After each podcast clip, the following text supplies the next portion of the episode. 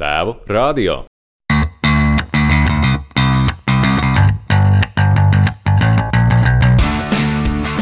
Šajā sarunā par apziņotību, vērošanu un karotājiem.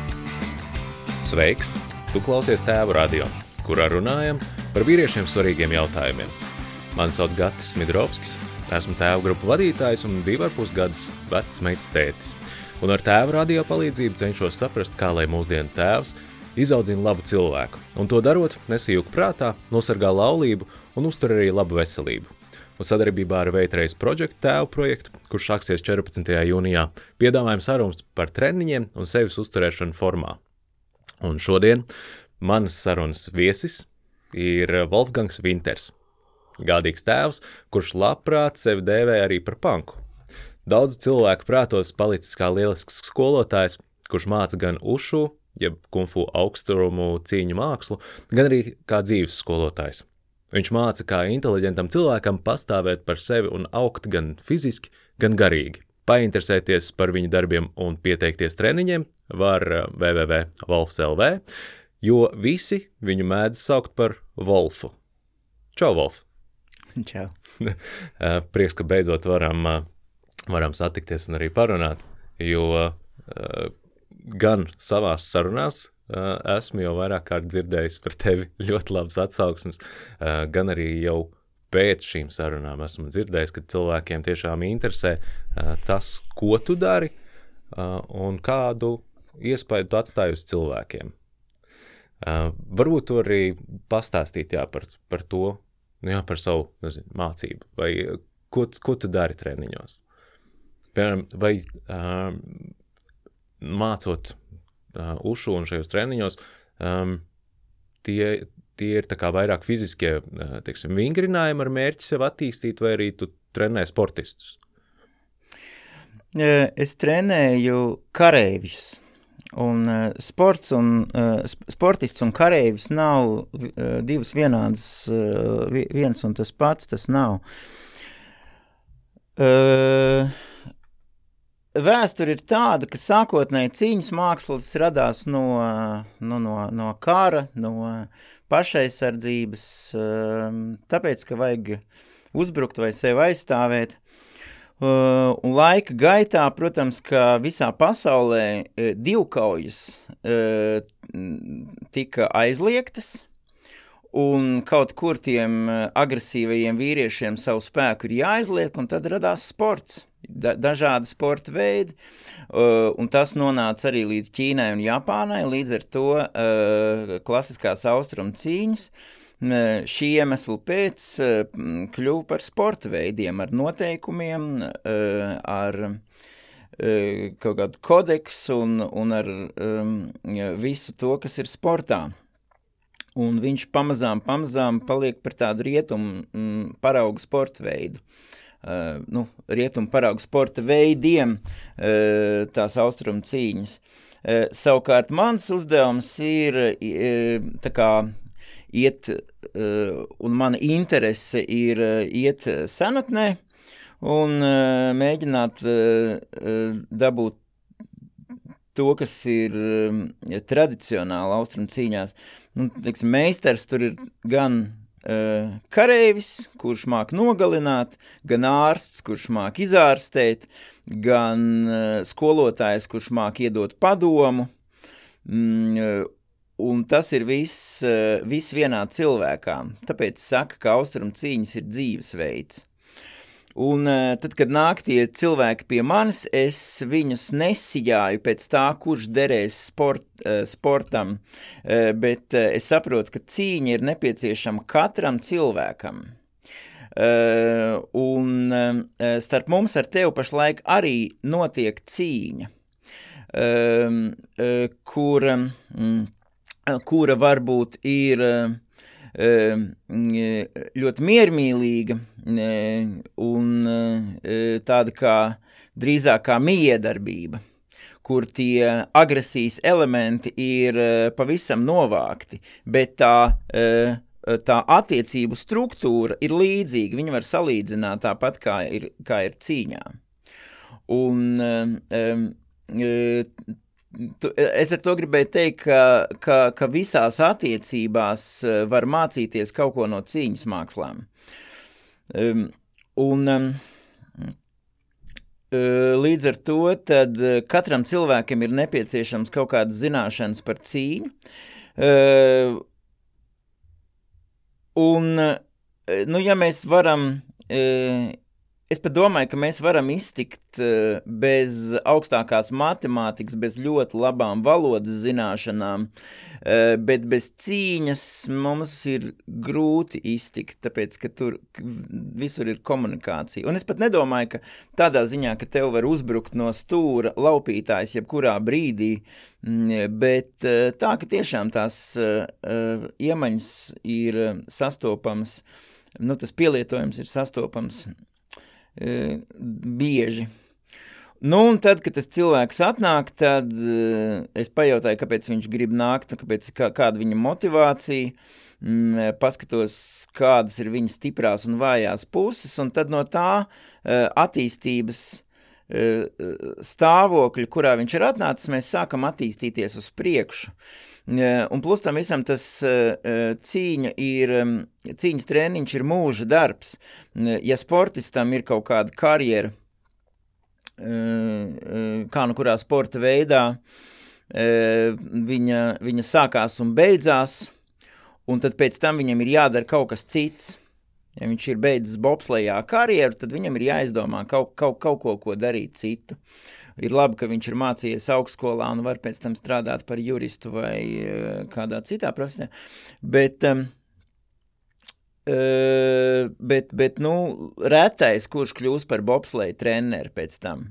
Savukārt, eh, cīņas mākslās ir tā, ka tu par meistaru kļūsti pamazām, pamazām, un es eh, eh, tāds īsts meistars nemaz neesmu. Nu, meistars es esmu kā amata meistars, kurš ar to nodarbojās, bet tādā tradicionālā izpratnē austrumos meistars sākās no kādiem 50, 60 gadiem, un tas ir jauns meistars. Līdz ar to vecs meistars ir tad, kad viņš ir visu dzīvi nodzīvojis un ieguvis eh, ļoti daudz um, zināšanas. Starp citu arī uh, kung fu vārda tulkojums ir patērētais laiks kādas mākslas apguvēji, kādas meistarības apguvēji. Un tas varētu būt, nu, jebkuras. Jā, nu, jā vārds kung fu uh, var būt jebkuras. Uh, piemēram, Konfūcijas filozofs ir Konfūģī, kung fu meistars. Jā. Mm -hmm. Bet viņam, viņš, ir, viņš ir filozofs. Jā. Viņš ir, um, viņš ir um, nu, um, pareiza dzīvesveida meistars. Jā. Mm, es arī, uh, jā, laikam lasīju kādu no tavām intervijām, un uh, tu minēji, ka esi alternatīvo pedagoģiju piekritējis. Alternatīvās pedagoģijas šajā, uh, šajā sakarā tad ir uh, šīs austrumu cīņas un dzīves mākslas? Nē, nē. Um, alternatīvās pedagoģijas um, ir manā uh, skatījumā tas, kas ir alternatīva sistēmai. Alter, vārds alternatīva ir um, kaut kas cits uh, blakus tam, kas notiek ilgu laiku, kas ir pierasts, vai ne? Mm -hmm. Un tādā ziņā tad uh, um, droši vien, ka, ka Valdorfa pedagoģija, Montessori pedagoģija, kas ir klasiskās alternatīvās pedagoģiskās sistēmas, viņas jau tagad arī kļūst par tādām mainstream. Un paldies Dievam, e, ļoti daudz uh, Montessori zināšanas un, un prakses pie, pielieto arī mums vispār izglītojošās skolās. Mm -hmm. un, tā kā tas ir forši. Mm, uh, tas, ir, tas, ir, ta, tas ir viens. Um, otrs ir... Um, nu, uh, ja tā ir alternatīva sistēmai, tad sistēma grib uh, uh, universalizēt cilvēkus, vai ne? Viņiem ir, nu, lai iziet viss caur vienotai sistēmai, un tad ir kārtība un skaidrība par to. Uh, savukārt, uh, ja mēs ejam tādu dabisko ceļu un ieklausamies uh, katrā individuāli un saprotam, ka katrs ir individuāls, uh, Un uh, katrs, kur uh, dažādos vecumos cilvēki ir gatavi kaut, kaut kam citam, un, un cilvēks ir ļoti daudzdimensionāls. Viņš attī, viņa, viņā ir iekšā daudz dažādi aspekti, un uh, šie aspekti attīstās cilvēkam dažādos laikos. Tas, nav, nu, tas ir zinātniski pierādīts. Nu, tur ir kaut kāda emocionālā pasaule, prāta pasaule, fiziskā pasaule attīstās dažādos laikos. Varbūt ļoti maza auguma sestklasnieks ar devītklasnieka prātu, piemēram, mm -hmm. un līdz ar to tādā ziņā alternatīva, kā skatīties uz katru cilvēku kā individu, nu, līdz ar nu, tādu alternatīvo pedagoģiju mērķis ir, ir tāds, jā, paņemt katru cilvēku atsevišķi. Tāpēc es esmu to teicis par alternatīvo pedagoģiju interesi. Un, un, tā, un vēl viena lietiņa, ja, kad um, es skolā slikti mācījos, vai pareizāk sakot, vispār nemācījos. Un es tagad tur 12 gadus man šķiet tajā um, padomju skolā, sākot no 80. gada. Um, uh, un um, uh, kaut kāda karma man lika atstrādāt uh, šo jomu, vispār to skolu jomu, ja es tā kā, nu, tur um, neklausījos, nemācījos, muļķojos un, un darīju palaidnības, tad uh, man liekas, ka pēc tam es, man dzīvi piedāvāja, nu, ja tev tas viss nepatīk, tad izdari tā, kā tev patīk, izdari labi. Un, uh, un, un tad es nonācu pedagoģijām. Mm -hmm. Varbūt, jā, tu vari, vari tiešām pastāstīt to savējo ceļu, kā tu esi nonācis līdz līdz austrumu cīļu, nu jau, teiksim, meistaram, līdz, līdz, līdz šim. Kā tu, kā tu tika līdz? Jā, tā lielāko uh, dzīves daļu es ar to nodarbojos, um, un um, uh, varonības uh, ideja man vienmēr ir bijusi tuva. Uh, man uh, paps ir tāds, um, tāds īsts vīrs, kurš um, nelietim un bezkauņam dod pa purnu un aizstāv dāmas un, un, un, un ir um, vienmēr cēls. Nu, es viņu tādu redzu. Ja? Tur, protams, ir visādas citas īpašības arī tajā cilvēkā, bet tas ir mans piemērs. Un atrodoties viņam blakus, tad es nu, tā to dzīvi uztvēru. Un e, ļoti maziņam jau man bija piekārts boxa bumbieris pie griestiem, un es tur kaut ko uh, bakstīju viņu, un līdz ar to tāds vektors man bija parādīts, ka vīrietim ir jāiemācās kauties. Un tad lūzuma punkts bija tas, ka mani piekāva, tādā vecumā, ka es jau biju izšķīlies no tā bērna uh, stāvokļa, uh, un kad es biju kļuvis par pusaudzi, un kad jau tā kā citiem tēviņiem uz ielas es varēju būt par, par konkurentu, un uh, tad es uh, dabūju kārtīgu tādu iniciācijas mācību, Un uh, es domāju, ka jāsāk mainīt savu dzīvi, kaut kas tur ir jāmaina. Kaut kas tajā lietā īsti nav vai ne, nestrādā. Beidzot ir pienācis tas brīdis.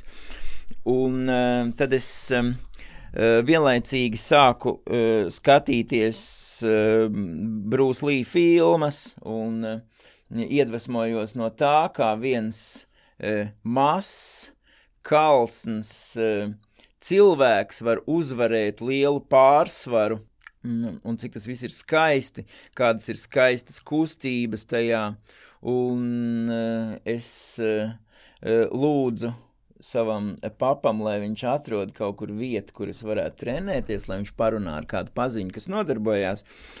Tā es um, nonācu. Uh, vēl es esmu no Valmieras, un Valmierā nebija nekādas sekcijas. Vēl nebija atļauts īstenībā austrumcīņas. Uh, bija aizliegums, ka no, tie, vēl, tie vēl bija pēdējie padomju gadi, un 80. gadā aizliedza karatē. Drīkstēja tikai pie milicijas, kaut kādām iekšlietu struktūrām, tur, tur tā. Uh, Un, eh, bet normāli cilvēkiem veidot sekcijas un trenēties un tā brīvi mācīt cilvēkus, eh, tas nekas nebija. Un tad uh, notika, bija ļoti liela mode, un bija pagrīdes sekcijas, un, un tad es braucu uz Rīgu. Uh, nu, pie Jevgeņija Petuhova, pirmais mans treneris. Viņš ir nu, nu, tāds um, kickboxing aizsācējs Latvijā, viens no tiem, kas to sāka.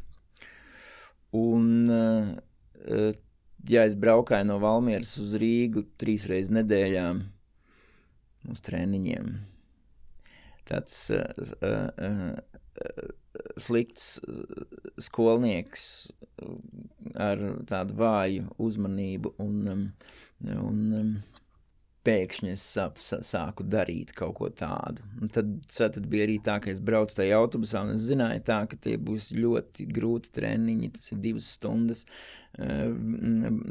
Pirmā daļa kickboks, otrā daļa akrobātika. Un kādreiz man bija, man iezagās tā doma, ka varētu neaiziet uz to treniņu. Bet es neatceros, vai es to izdarīju kādreiz vai neizdarīju, vai es neaizgāju. Mm, tas bija mans pirmais sākums.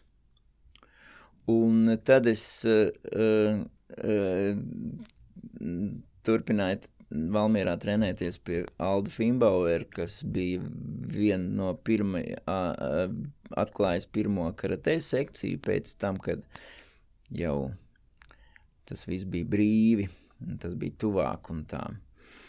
Nu, tas bija tāds leģendārs čalis,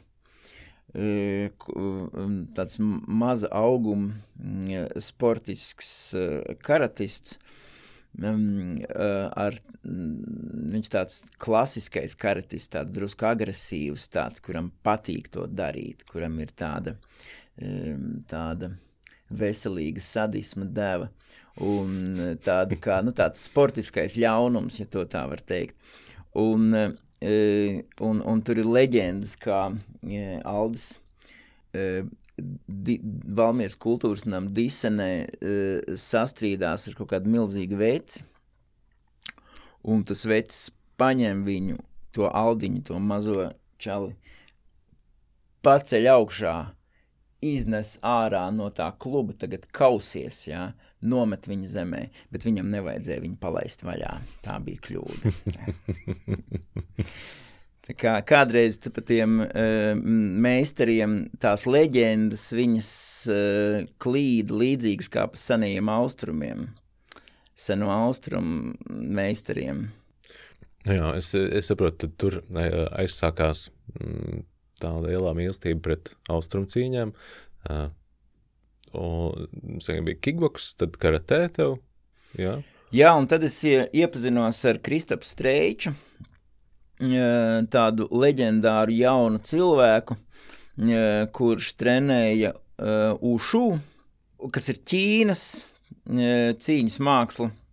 Ušu ir vispār cīņas māksla tulkojumā. Mm, tā konkrētāk nedaudz, ja kung fu tas ir me, mākslība, meistarība, ja patērētais laiks pavadot uh, to apgūstot, tad uh, ušu ir uh, tas pats, bet jau konkrētāk. Un tā ir Ķīnas kultūra, kur ļoti daudz stili, Ķīnas cīņas mākslu kultūra kas ir attīstījusies nepārtraukti ļoti ilgi kā Ķīnas civilizācija izņemot nu, ļoti tāds spēcīgs uh, trieciens bija 60. gada uh, tā saucamā kultūras revolūcija kad viņiem tāpat kā pie mums uh, sākās komunisms, sociālisms un tā tālāk. Un tad līdz ar to tur caur to proletariāta gaļas mašīnu gāja cauri visa kultūra. Mm -hmm. Un cīņas mākslas ir nu, tāda dinastiju lieta senatnē, kur tēvs mācā, nu, māca dēlu un, un, un, un, un dēls mazdēlu un tādā veidā nodot zināšanas. Un parasti, nu tā tomēr tā vairāk tie pazīstamākie stili tomēr nāk no disciltīgām ģimenēm. Un uh, tad līdz ar to tas komunisms uh, šīs ģimenes uh, ietekmēja viņas tur. Meistari uh, tika izsūtīti un, un uh, nogalināti. Tā tā, tur, tā, tas ir liels trieciens tam visam. Tā ir Ķīnas kultūrai, par ko mēs fanojam. Filozofija, lielie sasniegumi un tā. Mm -hmm. Bet es uh, uh, meklēju, meklēju mm, uh, gan uh, kultūru, gan arī es meklēju skolotāju. Es meklēju to, kas atbilstu tieši man. Ja? Un tad es uh, tuvākajā apkārtnē atradu to Kristapu Streiču.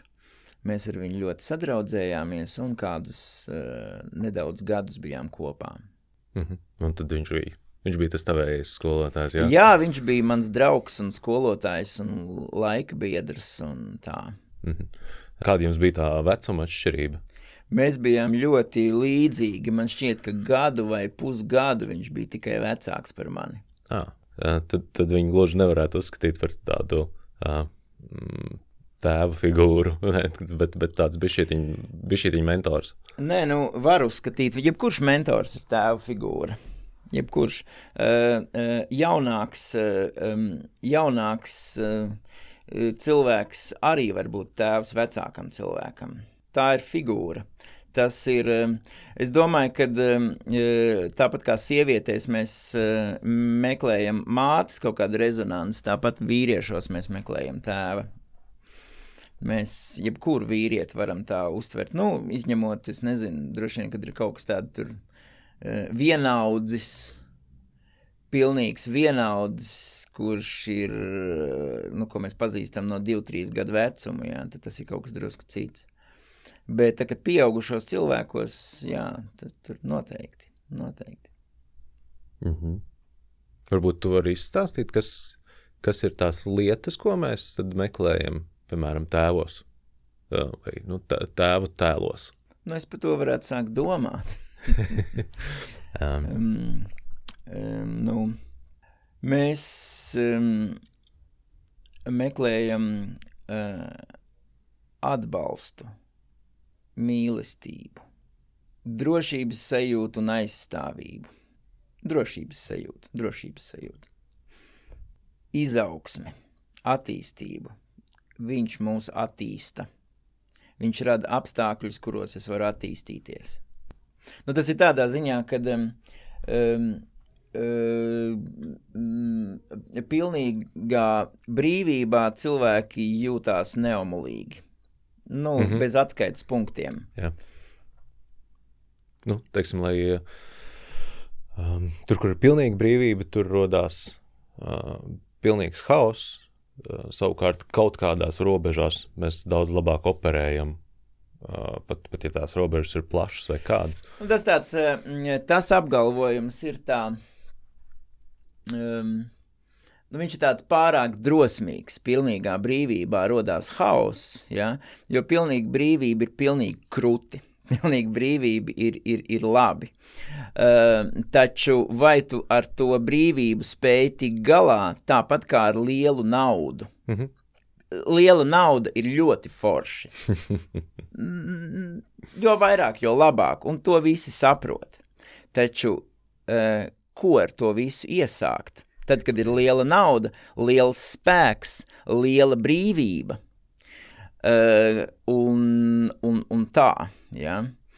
Uh, un, uh, uh, nu jā, un, un, un, un, un cilvēkam ir vieglāk parastajam, vājajam cilvēkam, kā mēs ar tevi, ja, ir vieglāk, ka mūs uh, kāds no rīta pamodina, uh, uh, ir vieglāk, ka kāds uh, pieskata, lai mēs neesam netīrās drēbēs. Un tas nenozīmē, ka viņi saka vienkārši, nu, tu saņemies, tāpēc, ka tev ir blakus uh, cilvēki, vai ne? Un tu pats jau to izdari. Un, uh, un, un, un tas tev palīdz. Nu jā, un tā ir tāda vēl viena lieta, ko uh, forši, ka mēs, mēs, to, mēs to sagaidām. Mēs sagaidām to uh, kārtību un kaut kādu pareizību no tēva. Jā, redz, mm, ko, es, ko es arī jā, esmu uh, apkārt uh, apvaicājoties un palasot kaut kādas intervijas, jā, nu, uh, tam, ka daudzi tevi uh, uzsver kā lielisku arī tādu dzīves skolotāju uh, un iedvesmas avotu. Nu, manuprāt, tā atslēga ir tajā, ka uh, tu pats pēc dabas esi labs cilvēks. Vismaz man tāda sajūta arī sarunājoties ar tevi rodās, un ka tu esi spējis nosargāt to savus, savu um, nu, ētikas kodeksu. Un, manuprāt, pateicoties savam tētim, varbūt. Um, varbūt tu vari pastāstīt, kādu lomu tavs tētis ieņem uh, tavā dzīvē. Kāds viņš bija, varbūt, kad uh, tu biji jauns vai, vai pavisam maziņš, un varbūt tīņu gados. Uh, un, un, un, un varbūt es arī jautājis, kāds ir bijis viņa tēvs, jeb tavs vectēvs.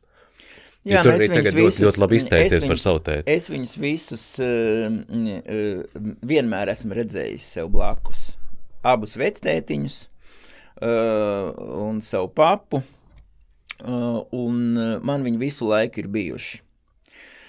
Ar, vi, ar, ar, um, ar vectētiņiem jau um, jau pavisam maziņš. Nu, man vecāki ir no teātra, un Valmieras teātris ir izbraukuma teātris. Bija izbraukuma teātris tajā laikā, kad es biju maziņš.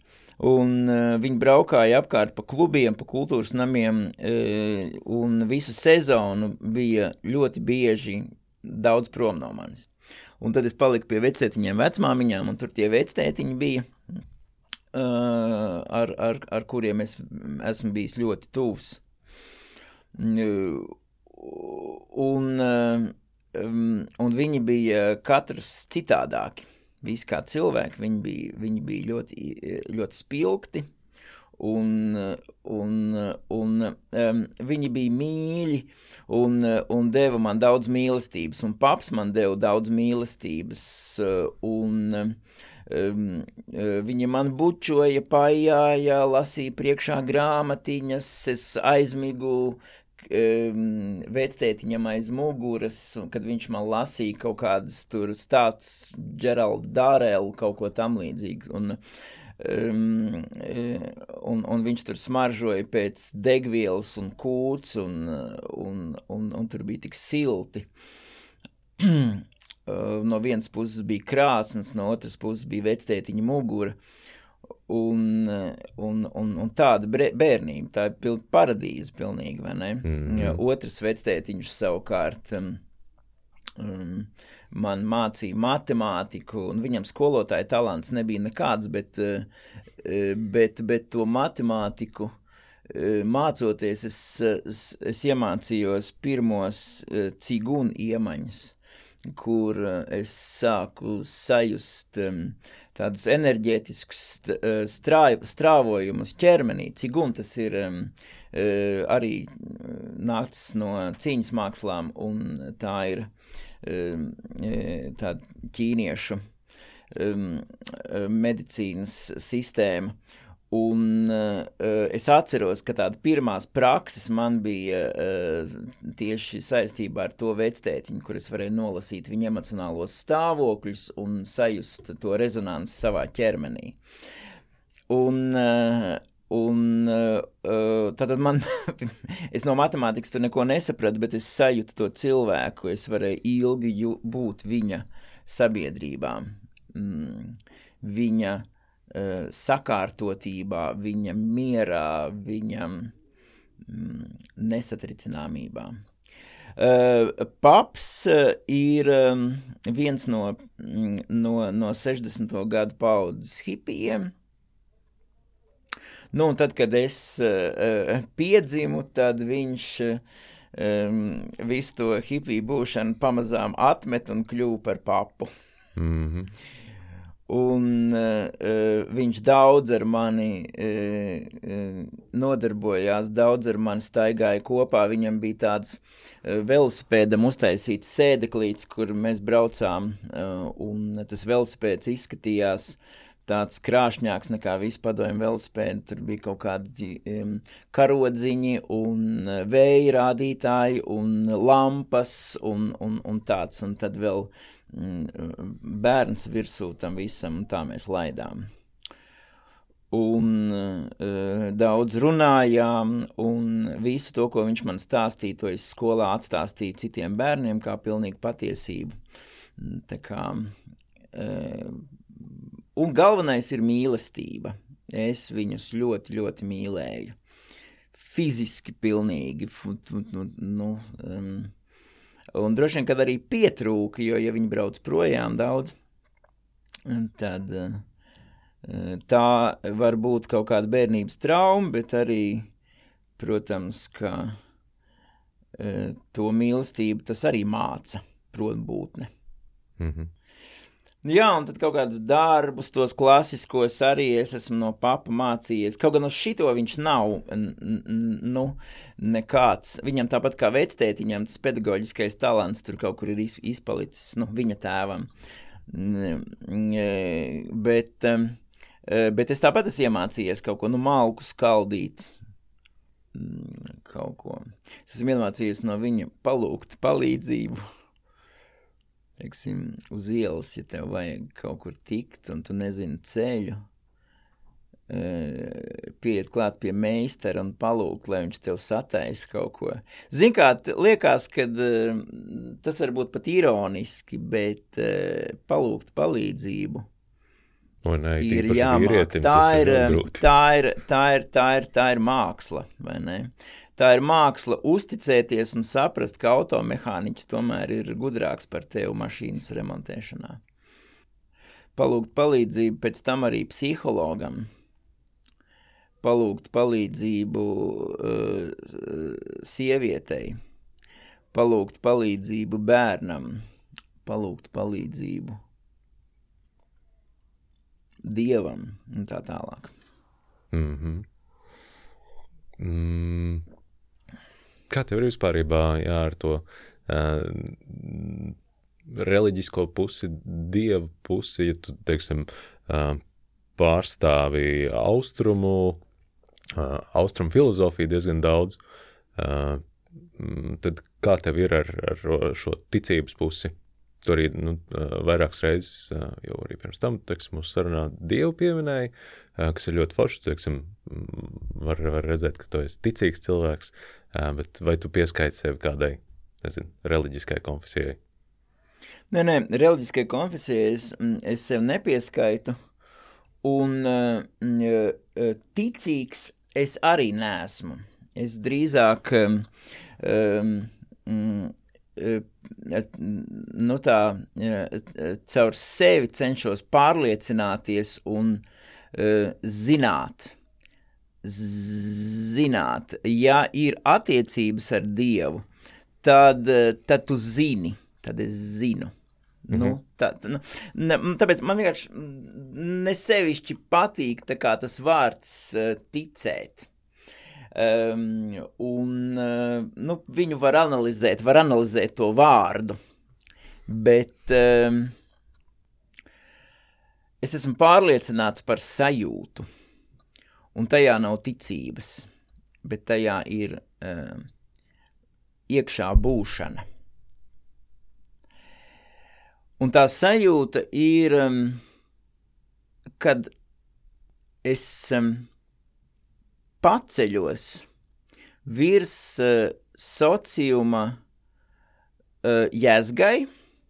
Nu, es eju, piemēram, caur tirgus laukumam, un es skatos, ka tur grūstās, smird, nesmuki ģērti cilvēki. Uh, un uh, tu esi sasvīdis, un viņi ir sasvīduši, un tev kurpes spiež. Uh, un uh, viņiem viss, kas spiež, un tad mēs tur saspiežamies un uzgrūžamies viens otram virsū.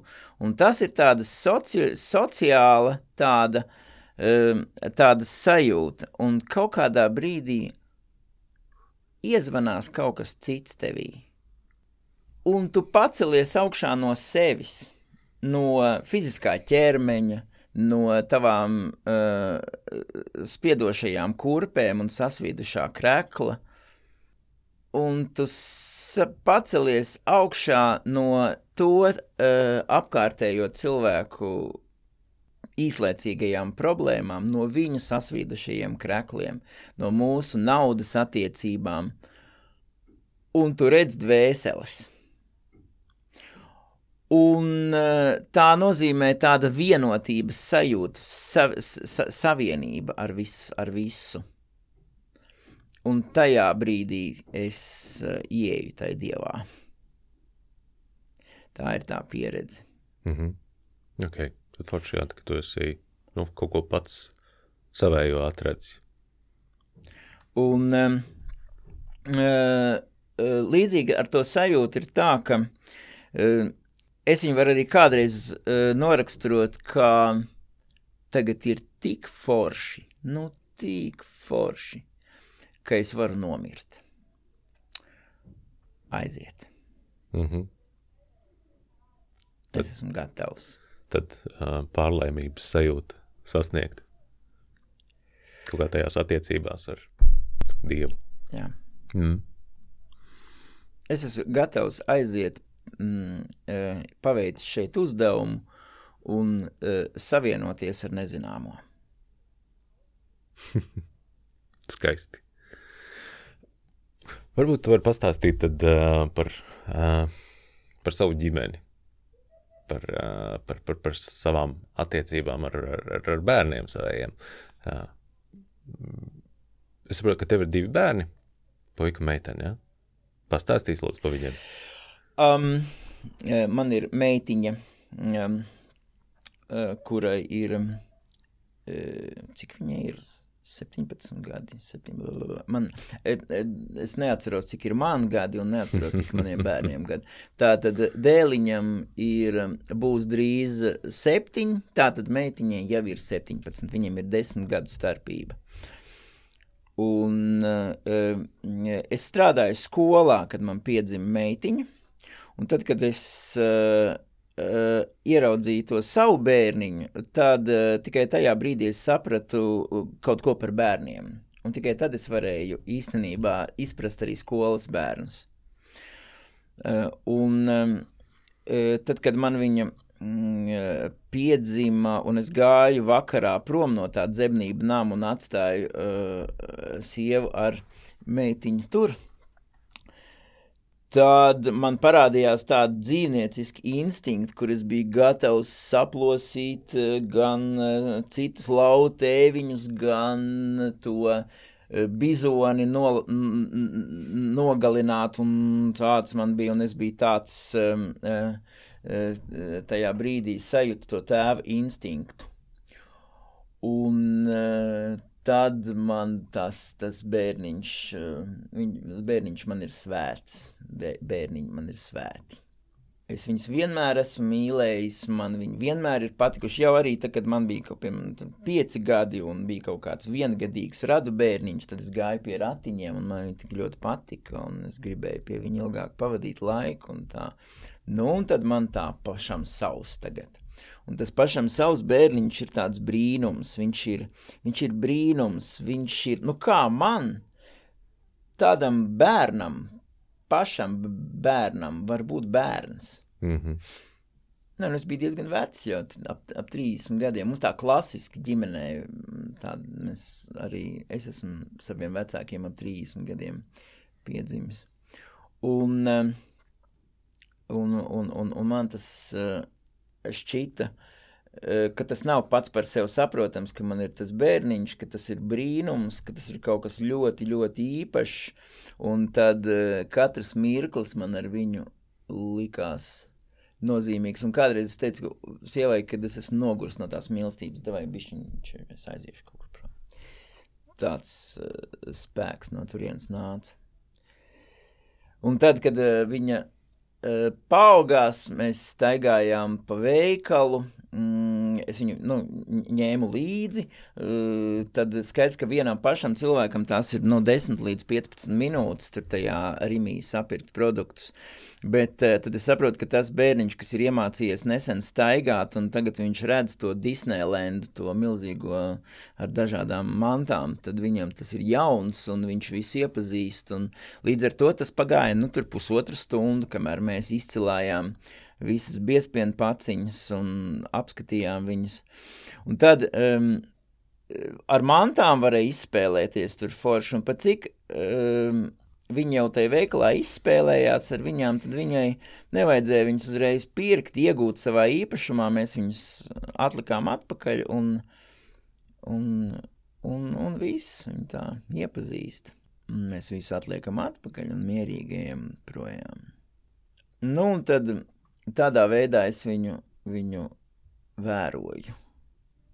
Vēroju, vēroju, vēroju to brīnumu. Nu, ja viņš man ir tāds brīnums, tad uh, viņš ir interesants. Es tādos nekādos priekšstatos par bērniem nevados. Mm -hmm. Aiz slinkumu droši vien var izlasīt grāmatas, četras par bērnu audzināšanu vai par, par, par vecumu posmu īpatnībām.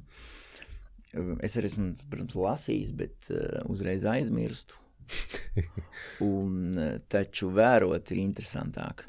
Uh, nu es tev arī varu arī pateikt, ka um, es arī esmu ļoti daudz uh, grāmatas lasījis. Uh, un, protams, arī vairākus kursus izgājis, un vēl, un vēl sazinu, ko līdz ar to tā uh, teorētiskā zināšana bāze ir ļoti plaša, bet, um, bet visvērtīgākais, ko es esmu iemācījies, ka no tā bērna neko nevar, nedrīkst gaidīt. Tur arī es esmu minējis par to pašu uh, beznosacījumu mīlestību. Kas no viņa nāk, to tu pieņem, to tu mīli.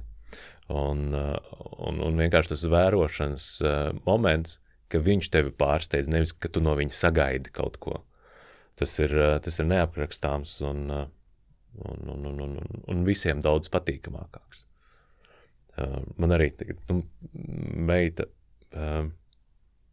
nu, droši vien, jā, viņa kaut kā pret to vidējo līmeni varbūt, attīstība viņai ātrāk iet, un, un, un ja skatās, teiksim, nu, pēc tiem pašiem paraugiem, tad viņai tulītās būs trīs gadi, uh, bet, nu, viņa tur uh, jau sen man uh, dzieda skaita dzējoļus, un, un, un, un, un uh, jau tulītās kārtīgi lasīs, uh, bet, uh, bet tas nekas nav bijis tāds uzspiests.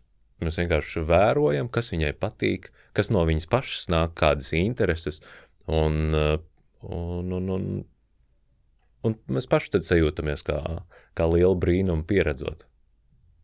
Un es, es saprotu, ka tu, tu šo sajūtu arī uh, labi pazīsti. Jā, um, dzīve jādzīvo, jādzīvo nost, emocijas jāizjūt, nu, viņas ir jājūt, lai viss tā lai viss notiek. Jo uh, tur nav jāmāc, jā, jābāž iekšā tā, tā, tā prāta pasaule tik ļoti.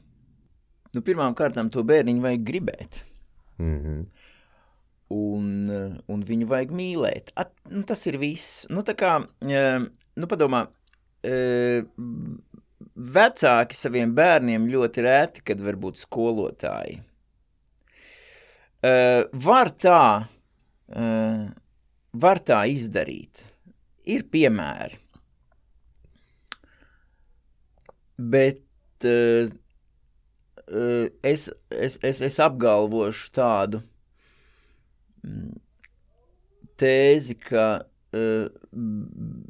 vecāki bērniem iedod mīlestību un izglītību. izglītību. Nu, to izglītību var arī kāds cits iedot. Uh, bet nu, viņi novirza vecākus to, pa to izglītības ceļu. Tās ir tādas divas lietas, bet, bet tā mīlestība ir, ir galvenā. Un tad, ja tu pats to spēj izdarīt, tad jau tur viss, ir iz, tad jau tur viss notiek.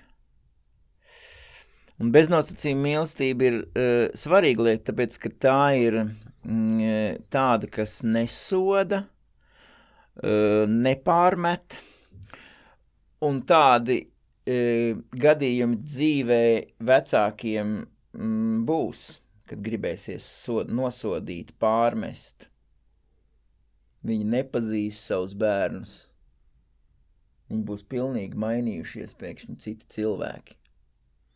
Nevarēs atpazīt vairāk to bērniņu, kas uh, jau tūlīt labi lasīs, skaitīs dzējolīšus. Tas tev apziņā ir tik ļoti iesēdies, iespiedies, viņš jau tagad jau tur ir atstājis tādas zābaka pēdas, jau, mm -hmm. jau iecirsts tur ir karodziņš. Un te hops, jā, kaut kas mainās. Tur runā par tīņu gadiem. Jā, jā, jā. Mm. jā, jā. Jā, tas tas brīdis, kad tu viņam vairs neesi tāda autoritāte, ka viņam autoritāte ir draugi, un viņš attālinās no tevis. Tu, tu, tik daudz vairs nezini, kas ar viņu notiek. kā ir. E, Tas arī nav tik vienkārši. Vienā grāmatā ierakstīts tā, pēc mm. -hmm. pieciem gadiem izlasīs, o, nē, zinātnē, Jā, zinātne mainījās. Zinātnē mainījās. Tā kā nu, te ir ar tām grāmatām tā, tā slidenā lieta. Tā ir ļoti tāda slidena lieta, kuru uh, tu, uh, tu patiesību vari uh, iemācīties tikai mirklī par to, kāds ir mirklis un ko mirklis tev pašlaik saka. Jo nekā bez mirkļa cita nav. Un tur grāmata var pat patraucēt. Mhm. Um, jo grāmata tomēr uh, kādu ideju uh, skaidro vienpusēji. Ļoti plaši var būt, bet tāpat loģiskā ceļā vienpusēji. Bet jebkurai idejai var būt ļoti daudz puses, ļoti daudz šķautnes. Un eh, tad, kad ir mirklis, kurā mums ir jārīkojās adekvāti, mēs varam vienā veidā rīkoties tajā mirklī, pareizajā, adekvātajā. Ad, ad, un, uh, un tad mēs no tās idejas ņemam to šķautni, kur tagad der. Kāpēc es to sāku? Tāpēc, ka tu teici par to, ka uh, bērnam ir uh, svarīgs uh, viņu draugu viedoklis, taču vienlaicīgi viņiem ir ļoti svarīga ģimene. Viņiem viņa varbūt pat ir svarīgāka tajā brīdī. Jo tā viņiem ir eh, vēl aktuālāka lieta. Vēl aktuālāka lieta viņam ir ģimene, tāpēc, kad eh, viņš tajā laikā separējās, tas nozīmē atdalās no, no ģimenes. Un uh, tas ir līdzīgi, mēs varam salīdzināt par to sajūtu, ko es teicu, ka man ir tik labi, ka es varu nomirt. Mhm. Tā tad man ir šeit tik labi, ka es varu atvadīties no šejienes. Un tas skan paradoxāli, bet um, um, un tajā brīdī, tad, kad tas pusaudzis ir uh, nepatīkams uh, un visu dara, lai viņš būtu nepatīkams, jo tad viņam ir vieglāk atdalīties un mēs viņu vieglāk atlaidīsim. Tas ir instinktīvi. Nepatīkamo mēs parasti negribam redzēt, un tāpēc viņš uh, dara visu pret. Instinktīvi. Ir forši tajā brīdī atcerēties to pieredzi, ka ar cilvēkiem uh, nav tā, kā izskatās. Es to mācos uh, ar saviem audzēkņiem. Uh, viņi uzdod jautājumus, un man kādreiz liekas, ka viņi ir tik provocējoši tie jautājumi, ka gribās viņam iegāzt. Un tad es stop, stop, es viņam atbildu uz šo jautājumu. Un tikai tad es saprotu, ka tas jautājums tikai izlikās provocējošs, bet īstenībā tas ir tas, kas viņu interesē. Un no tā es iemācījos, ka uh, neizdari uzreiz secinājumus pēc savas uh, pēc saviem priekšstatiem, bet klausies, par ko runā mirklis ar tā audzēkņa muti. Tur gan ir jāiemācās nu, lasīt cilvēkus un saprast, kas tad viņiem iekšā notiek, kas ir zemteksts tam visam. Ne? Bet tas, ko tu stāstīji par, eh, par to pašu atdalīšanos, eh, tev ar meitu arī tāds pats stāsts, teiksim, bija, nu, kad uh, viņa paliek, uh, nezinu, neapzināti nepatīkama. Jo es, Jā, es, jā. es pieļauju, ka no tevis noteikti arī ir nākusi milzīga mīlestība pret viņu uh, visas dzīves garumā, un ka jums tās attiecības ir bijušas ļoti labas. Es tā pieļauju. Jā, jā. Um, um, nu, labas attiecības ir tikai seriālos, varbūt tikai dažās. E, e, nu, tā kā, dažās ģimenēs šajā seriālā? Tur ir tādi, kuri vienmēr tas ir pozitīvais tēls, un viņš tur tā, viņš, tad, viņš spēlē to lomu. Un mūsu attiecības ir, ir visādas, jo mēs esam cilvēki, kuri mācās no attiecībām. Uh, par atdalīšanos uh, es varu uh, visus mierināt. Uh, krīzes pāriet. Uh, viņš aiziet kaut kādu līkumiņu, tas bērns no tevis projām un atnāk atpakaļ. Jebkurās krīzēs. Viņš saprot, ka viņš var atdalīties, kā tas ir atdalīties, un, protams, ka viņš turpat vien ir, tāpat kā es esmu pie saviem vecākiem turpat. Mēs noslēdzam kaut kādu uh, nevārdisku vieno, nu, jā, tādu, tādu vienošanos, mēs noslēdzam kaut kādu, nomierinamies un atkal dzīvojam tālāk. Tev visi šie novērojumi ir vairāk no savas dzīves, vai arī, nu, teiksim, skatoties apkārt, kas notiek ar citu cilvēku, nezinu, attiecībām. Jā, es kaut ļoti vēroju pasauli mm, un eh, ska, jūtu to miedarbību mm, starp mani un pasauli. Tas man ir galvenais, ko es katru dienu daru. kā Tāds miedarbības uh, Jā, es ļoti vērīgi skatos uz pasauli. Mm. Tā ir tāda būšana pašu mirklī. ielu, mm, eh, var ieraudzīt eh, ļoti daudz izmaiņas. A- Atkal un atkal. Ar to vērošanu, jā, mūsdienās ir uh, īpaši nu, to kā centra cilvēkam. Uh, lielākā daļa, kas tas dzīvo un strādā, viņi tikai skrien un lielā tempā apkārt mēģina visu kaut ko sadarīt. Un, uh, ar to vērošanu mums ir liela problēma, manuprāt. Nu, tas nav par mani. Tas jā, jā.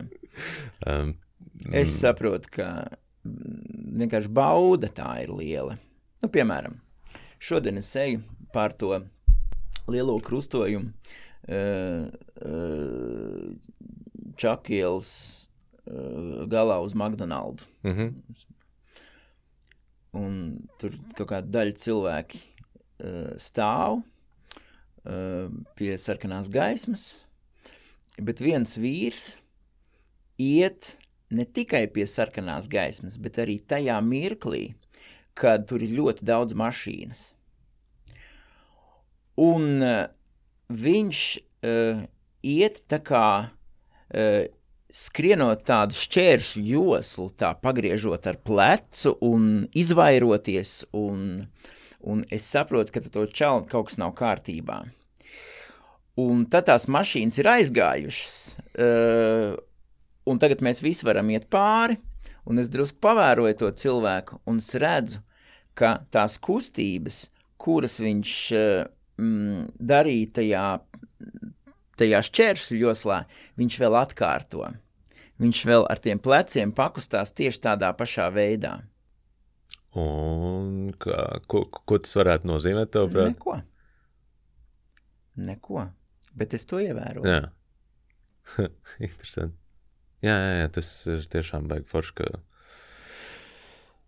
ka ir tā iespēja vērot un sajust to kaifu, noderīgumu un, un, Nē. un neskriet. Jo, nu, I Tur ir vēl viena lieta.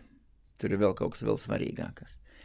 Neko arī no tā nesajust un nesacināt. Tad tu esi budists savā, savā būtībā. Nu, protams, jā. Vienīgais, nu, ne, ne, ne, tā, tā kā budistu labais tonis, tāpat tās kā hipsteriem ir, nu, budisti un hipsteri nesaka, ka viņi ir budisti un hipsteri. tā. Labi. Mm. Klau, par, par attiecībām ar meitu, jā, tu pastāstīji, kā tev bija kļūt pēc desmit gadiem vēlreiz par tēti? Jo tajā laikā tu jau biji, protams, pavisam cits cits cilvēks? Nu, mana dzīve ir ļoti lēna. Man maz kas mainās. Un es ilgi nodarbojos ar vienām lietām, ilgi dzīvoju vienā dzīvoklī, ilgi pēc iespējas cenšos braukt ar vienu automašīnu. Un nemainīt tādas, tādas zemes dzīves paradumus. Līdz ar to tas, ka tur kaut kas ļoti ir mainījies, um, es, es tur tādas īpašas izmaiņas ja, nevaru tev pastāstīt. Tu uzskati, ka tu biji uh, tāds pats tēvs uh, 30, nu gandrīz 30 gados, uh, un, un tāds pats, teiksim, arī pēc desmit gadiem um, attiecībās ar, ar dēlu? Es nezināju, ko ar tiem puikām darīt uh, savā ģimenē. Uh, man kaut kāda tāda uh, iezagās doma galvā, ka varbūt, ka vajag kaut kā darīt savādāk. Un tā, kad viņš piedzima, tad es nomierinājos, atslābu un sapratu, ka neko tur īpaši darīt savādāk nevajag, un arī kaut kā īpaši ņemties un darīties nevajag. Ļoti līdzīgas tās sajūtas bija. À, tikai veids, kā viņi man apčurāja, ir savādāks. um, tad, kad um, meitenītei uh, maina pamperi un viņa labsajūtā apčurājās, tad tu nedabū to visu sejā. Bet, kad puisītim, tad, tad, tad ir virsū taisni trāpījums. Un tā. Mm. Man, man jūlijā beigās piedzims otrā meita, un tas ir viena no pirmajām lietām, par ko es iedomājos. Oh, yes! nu, beidzot, ir, cik nu beidzot, bet atkal būs, teiksim, meitene, un vismaz jā, man sejā neiečurās. bet um, Uh, tie pamperu sūdiņi un, un tās čūras jau nesmird. Es nevaru saprast, kāpēc uh, seriālos uh, viss tā tik ļoti par pamperiem uztraucās, jo viņi, ne, nu, viņš ir pat, uh, viņš ir tāds nekāds mm -hmm. īstenībā. Un, um, un par cik Uh, viņš ir tāds brīnums, tāds dievišķs citplanētietis, kas ir atnācis, tad arī viss, kas no viņa nāk, ja tas ir, tā ir svētība. Es, jā, man liekas, no, ja tīpaši no sava bērna, nu, nekas, ne, nekas tāds pretīgs neliekās. Man tagad meita, um, viņai, es nezinu, kas, ka, kas ir, tā kā, atlecis jau vairākus mēnešus, tā kā viņai jāiet uz, uz podu pa lielam. Viņa sauc tēti, nāc šurp, un tam man ir jātur viņai ausis ciet. Nu, vienkārši kaut kā. Un līdz ar to es esmu klātesošs visu laiku, kad viņai pa, pa lielam jāiet, jo viņa pa mazam var aiziet arī pati. Un tad, jā, tad, tad visos šajās, šajās epizodēs man noteikti jāpiedalās. Mm, Bet uh, vis, vismaz teiksim, tas uh, bērnu sākums, viņi ir vienādi. Arī tavā izpratnē. Bērns paliek bērns. Ir jāmīl vienādi. Arī kāda tev bija sajūta? Jo es, es esmu dzirdējis arī no draugiem, ka uh, tīpaši, ka otrais piedzimst puika, ir citādāk. Kaut kā večiem tās attiecības ar puiku ir bijušas citādāk. Vai, vai grūtāk ir uh, savienoties vai kā, vai arī tas varbūt ir tiem vīriešiem, kuriem varbūt nav tik labas attiecības ar savu tēvu bijušas? Lai mācētu dzīvot, ir jāvēro mirklis. Mirklis, pēc iespējas konkrētāka situācija. Un viss. Tāpēc es arī tev um, um, minu uh, piemērus, kas man šķiet ir interesantāki nekā mm, tās koncepcijas, kuras ir radušās pēc tam. Mm -hmm. Jo tā ir tāda, nu, uh, uh, tāda statistikas zinātne. Tiem tēviem, jā, jā. kam tas un tas ir tas un tas, un, un uh, mana gudrība nav par to. Mm -hmm, mm -hmm. Es, es sekoju, sekoju mirklim, vēlmēm, priekam, vajadzībām. Vajadzības, man liekas, ir, ir, ir, ir atslēga. Ir e, cilvēks būtne, e, kam ir kādas vajadzības, un šīs vajadzības ir, ir jāapmierina. Mm -hmm. Un tā ir, nu, apzinātība, apzināti tas viss notiek. Nu, apzināties tās vajadzības. Es tev teicu, kad man radās kaut kāda tā dīvaina doma, ka tagad varbūt, ka va, a, a, puika tas ir kaut kāds citādāks. Ja? Mm -hmm.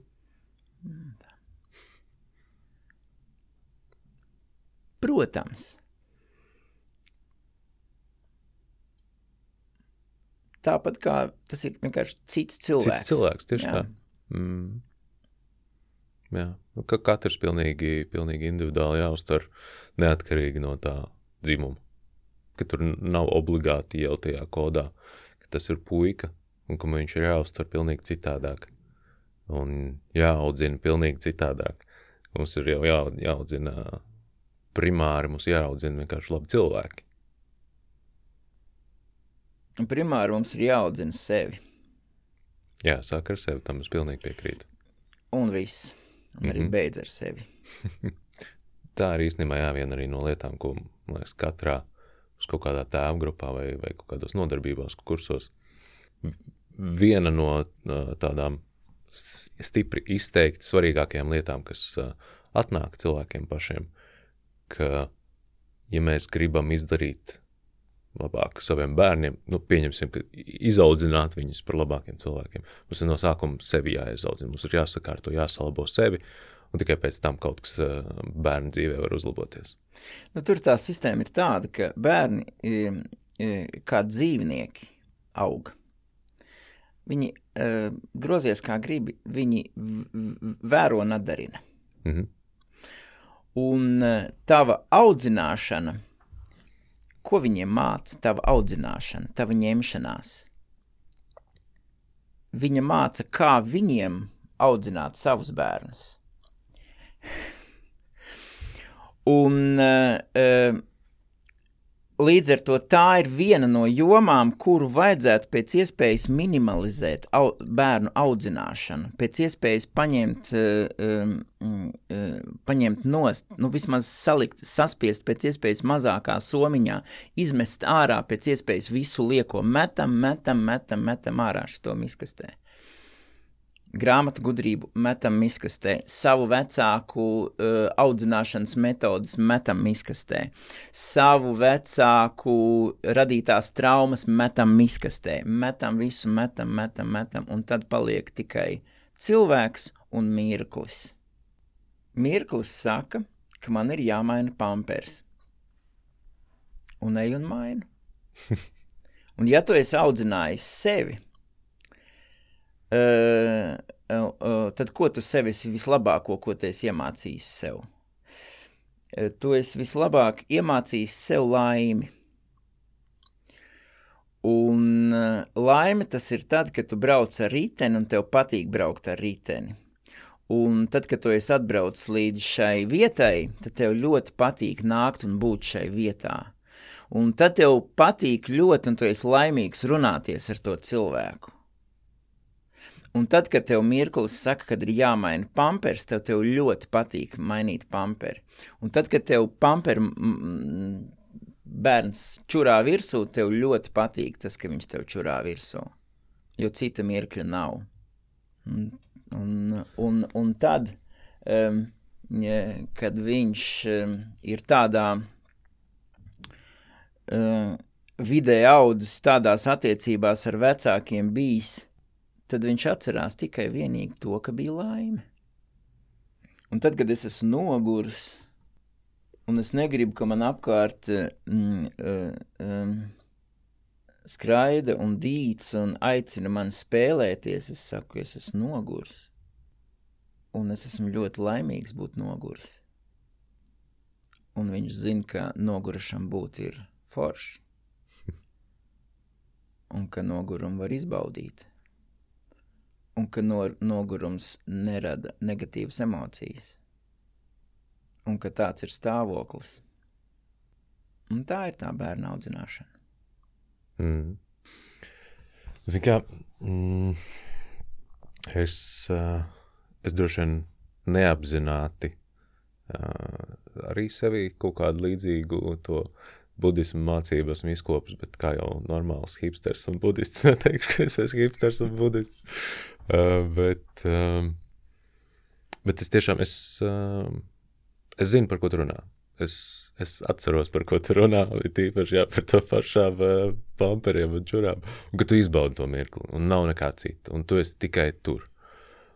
Un, uh, un, un, un, un tu viņu spēji izbaudīt un par viņu priecāties tikai tāpēc, ka tas ir viss, kas ir. Tev nav jāsatrauc. Nu, tajā brīdī tu nesatraucies ne par ko citu. Ne, ne tas, kas tev ir jādara pēc stundas, vai arī kur tev bija jābūt vakaram, ko tu neesi izdarījis, bet tu esi vienkārši tur. Un, un droši vien tāpēc, jā, tu spēji to izbaudīt, priecāties un būt laimīgs tajā brīdī. Um, man tas tiešām ir neapzināti kopš bērnības kaut kā pamazām, pamazām nācis. Uh, varbūt tam ir kaut kāda arī saistība, ka uh, savos tīņu gados, uh, sešus gadus esmu trenējies karatē un, un kaut kādas jau austrumu gudrības uh, arī caur citiem skolotājiem esmu iegūs. Varbūt kaut kā tas nedaudz ir manifestējies, bet uh, kā tev liekas, pieaugušam cilvēkam, teiksim, tā, tā auditorija, kas mūs klausās, man ir liels prieks, ka lielākā daļa tie ir vīrieši. Um, parasti no 25 līdz 40 gadiem. Nu, Tātad tāds uh, vidusmēra jau vīrietis pieaudzis, kuram visdrīzāk ir bērni. Vai ir iespējams iemācīties to būšanu mirklī? Um, Dažu mēnešu laikā. um, nu, ja ir grūtības ar um, tādu laimes sajūtu, un es to nosauktu par uh, emocionālo veselību, tad uh, droši vien, tam cilvēkam ir jāmeklē um, uh, tie cēloņi, kāpēc viņam ir slikti, kāpēc ir slikti ar emocionālo veselību. Jo, uh, uh, jo būt uh, uh, harmonijā, tā ir tāda vienkārši emocionāla veselība. Tu esi priecīgs. Un tad ir jāskatās, ir tie, tie, jāskatās ir cēloņi. Kas ir tas, kas tev izsit ārā no līdzsvara? Un tajās vietās, kur ir uh, slikti emocionāli, tās ir ļoti svarīgas, un tad ir mm, uh, viņas apzināti, tu, tu viņas uzķer, un tur tu meklē kādu savu kompleksu, un ko ar to visu darīt. Um, uh, vēl viena lieta, par ko es iedomājos, ka tu to stāstīji, tas ir pašapziņa. Es vēroju, nu, par cik kā tāds mirkļa vērotājs, es skatos atslēgas vārdus, kas ir, kas ir, kas izlec interesantākais no tā, un tu teici, ka ir kaut kur jāskrien pēc stundas, kaut kur un tā tālāk, es iztēlos to situāciju, man tagad ir tas pampers jāmaina, tas bērns, tam man vēl kaut kur pēc stundas jāskrien, un tad kā es esmu tādās problēmās iedzīvojies? Un kā es varēju šitā te izdarīt? Kurš to ar mani izdarīja? Es pats? Vai kāds cits man to izdarīja, tas ir jautājums. Kurš rada man stresu? Un, un, un, un, un, un, un šeit es nonāku pie pašapziņas jautājuma.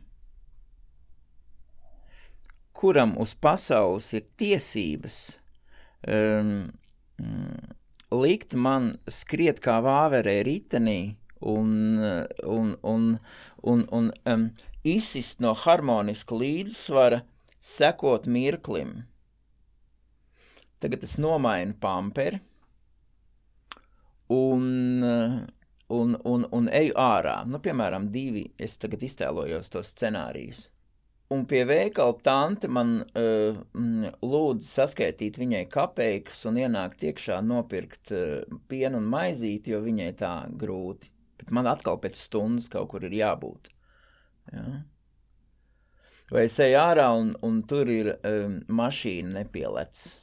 Un tagad man ir jāatrisina tas, kurš man palīdzēs tikt, kā es tikšu. Ja? Tas ir nākamais mirklis. Un tie ir mani mirkļi. Un kā es izdzīvoju šos mirkļus. Un tad, ja es novērtēju savus mirkļus, tā ir mana dzīve, un, uh, un ja man viņi patīk, tad tas ir saistīts ar pašapziņu. Tāpēc uh, mm, tā atbilde droši vien būtu, nu, šajā gadījumā šis, ja, šī, šis ir tāds tāda atslēga. Paskaties, eh, cik tev ir no nu, skalā no 1 līdz 10 pašapziņa.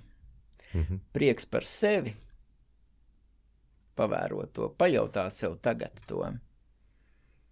Prieks par sevi, eh, eh, es nosaku savu dzīvi, es viņu vadu, es viņai sekoju, man viņa patīk, es ar viņu sadarbojos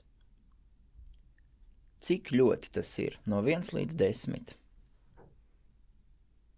Kā tev ir? Mm. Tagad. Jā. Tikai mm. tagad. Šajā mirklī. Jo cita mirkļa nav. Jā. Tagad uh, es, es droši vien. Um,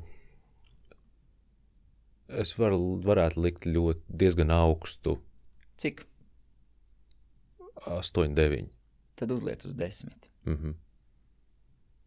Un, kas... un sajūti to ķermenī. Vienkārši mm -hmm. uzspied, uzgriez to radioaparāta uh, līdz galam. Jā. Ja tu pats esi, nu šajā gadījumā es tev iedevu tādu nosacījumu mm -hmm. uh, no 1 līdz 10.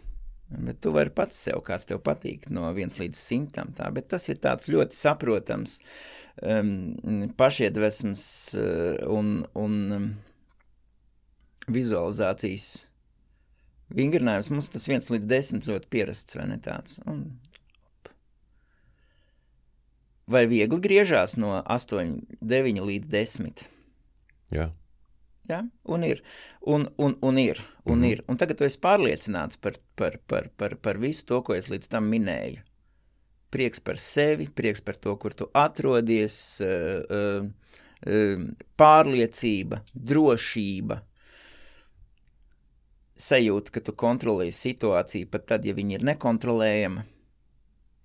Interesanti, vai uh, jā, es, es pamēģināšu šo iz, izmēģināt tad, kad es jutīšos uz, uz četrinieku. Mm. Un kā ir tad? Jo, teiksim, tagad no 8 līdz 10 uzgriezt, nu, tur, tur, tur diezgan viegli. No, no labi uz izcili. Um, bet tik un tā, es, es nezinu, kāpēc, un, teiksim, arī fiziski es tādas lietas jūtu, nu, šitien te krūtīs tādu vēl, vēl lielāku siltumu kaut kā mm -hmm, sajūtu. Jā. Mm -hmm. uh, to, nezinu, mīlestību vai kā to varētu nosaukt. Bet interesanti, kā ir tad, kad, nu, tu galīgi draņķīgi jūties. Nu, nu tā, ka nekas nevedās un tiešām, ka tu pats... Um, ka, ka, ka pats neesi tas savs dzīves noteicējs. Un, un, un, viss, un kaut kā uh, dzīve iegrozās tā, ka tev mētā apkārt. Nu, um, nu no, uh, no vienas puses. Uh, nu nevar uh, nodzīvoties tik ļoti, uh, ka tev pēkšņi sāk sāpēt četri zobi un viņi ir jāizrauj. Nu, tomēr ir forši reizes gadā. Var tā nodzīvoties. Uh, jā, es esmu tā nodzīvojies. Mm. Bet, uh, bet, bet um, uh, nu, līdzīgi ir tā, kā ar, kā ar ārstu. Ja? Nu, līdzīgi ir tā, kā ar, ar jebkuru jomu. Jo ir cēloņi un sekas, kuri uh, virknējās. Tā. Uh, uh, nu, uh, nu ir, ir, protams, izņēmumi, kad uh,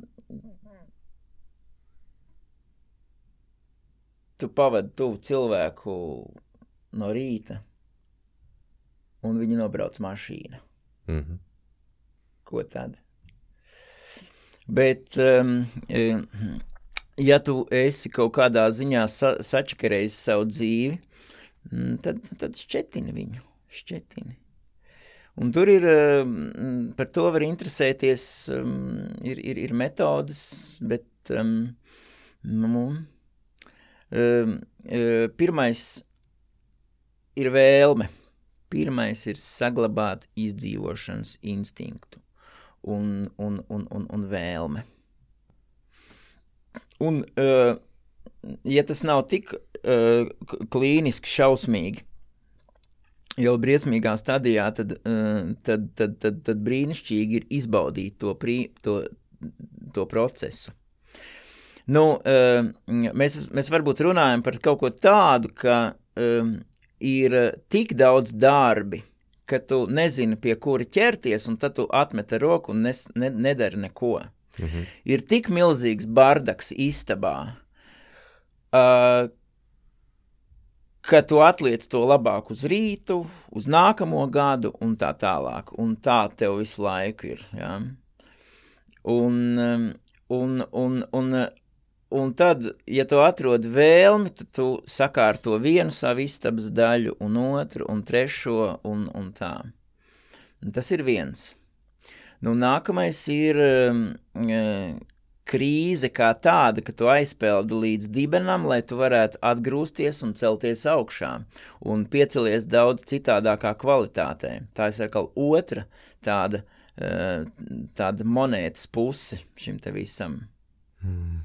Jā, es, um... Jo ir arī dažādas psihoterapijas. Um, nu, viena ir tāda, kur cilvēku uh, tik daudz uh, sataisa uh, un, un izārstē, ka viņš uh, iet uz darbu, nāk mājās, un tur viņš daudz maz funkcionē un, un tā. Ja? Un tad ir um, nu, dzīļu psiholoģija, kur uh, strādā ar to, ka šitā vairāk nevar, un šī krīze un uh, tā notikuma virkne ir uh, liecina par to, ka vispār visapār kardināli kaut kas ir jāmaina pilnībā, un ka tas ir ļoti labi, un uh, tādā dziļu psiholoģijā ļoti patīk tās krīzes. Viņi redz to kā, mm, kā īsto brīdi. -hmm. Tajā brīdī beidzot kaut kas var uzlaboties cilvēkam nu, mainīties, Jā. mainīties, tieši mainīties. Uzlabot var tajā pirmajā gadījumā, kad mēs pamazām, pamazām ņemam to, ka nu, tur pamainam attieksmi drusciņu. Bet um, tā varbūt ir tev iespēja. Jo tu vari arī skatīties tajā uh, gan visas tās detaļas, gan tā, uh, to problēmu virkni. Tu vari skatīties vienu, otru, trešo, bet tu vari apskatīties arī to visu kopbildi. Mm. mm. Man vienkārši pašam, jā, nu, droši vien gados 25, 26, tā bija pirms, pirms pieciem, sešiem gadiem, no, tā, tāds kārtīgās krīzītes līdz kaut kādam līdz, līdz savējam dibenam nonācu. Nevarētu teikt, ka arī tiksim, meklēju kaut kādu glābiņu alkoholismā vai, vai, vai narkotikās vai kaut kā tam līdzīga, bet, bet vismaz emocionāla līmenī tiksim, nonācu tur, kad es saprot, sapratu, aptuveni kā droši vien jūtās tiešām alkoholiķi un, un, un, un bezpajumtnieki. Un, un, tā, ka tur ir piln, pilnīgā tukšumā. Un, un, un tas nu, tāds tiešām sāpīgs, depresīvs laiks. Un tagad, skatoties uz to brīdi, es esmu ārkārtīgi pateicīgs tam laikam. Mm, ka un tas, tas, tas bija teiksim, tāds, tāds, tā, tā, tāds dzīves periods, kurā es vis, visvairāk par sevi droši vien esmu iemācījies. Visvairāk sevi, par, par sevi iemācījies, iemācījies nolikt kaut kādu savu ego arī malā. Apskatījies beidzot, kā tad īstenībā es in, miedarbojos ar pārējiem cilvēkiem un, un, un ko es spēju arī nodarīt, varbūt, varbūt apzināti vai neapzināti citiem. Un, un, un kādam tad būt, uh, nu, jā, varbūt izkopt kaut kādas tās bruņnieciskās īpašības, ko es saprotu arī tu īstenībā jau arī māci uh, savās nodarbībās, kaut kāda kā bruņniecības principus. Tas, tas kaut kā man, man tā bijis. Es to paņēmu par tādu mārketinga saukli. Ļoti labi strādā. Man viņš, man, tas nav mans. Um, alternatīvai skolā, kad es strādāju par direktoru vietnieku audzināšanas darbā, tad mm, mans draugs Gļeps Paņķļējevs savu dēlu izlaidumā kā, aplaudēja man, jo es biju pie tās izlaiduma klases, tur ļoti klāt tajā gadā. Un, un, un, un viņš teica, ka Volfs māca uh, cilvēkiem bruņiniecības principus, un es šito te, nu, ja, kā, nu tas tā kā, ja, ja sabiedrība uh, tā saka, tad, tad jā, tā ir, tā forši, vai ne? Un, un Glebs man ir autoritāte, un, un es teicu, yes, vai ne? Un tad sāk šitas te ir tāds eh, viens no maniem rokzvaigznes stāstiem, kur var labi Gan jau, ka ir taisnība. ielikt iekšā. Varbūt tur par tiem mm, bruņniecības principiem arī tad, nu, bija šī pastāstīt, ko tas, tas īstenībā nozīmē. Ne, nu, jo to no tam mūsdienās bruņniecība ir. Jā, jāprasa. um, tad, tas, tas, tas ir tad, tad viņam bruņniecības principi. Jo, um, nu, mm, tur droši vien, ka tas, tas viņam bija saistīts ar, mm, ar tādu, es iztēlojos tādu karaļa Artūra apaļā galda bruņiniekus un, un, un um, um, varoņu darbi, kuri tiek eh, darīti katru dienu, un vai viņus pierāda savai dāmai, vai viņus pierāda dievam, vai viņus uh, mm, dara sev, bet um, kareivis ir bruņinieks. Kareivja principi.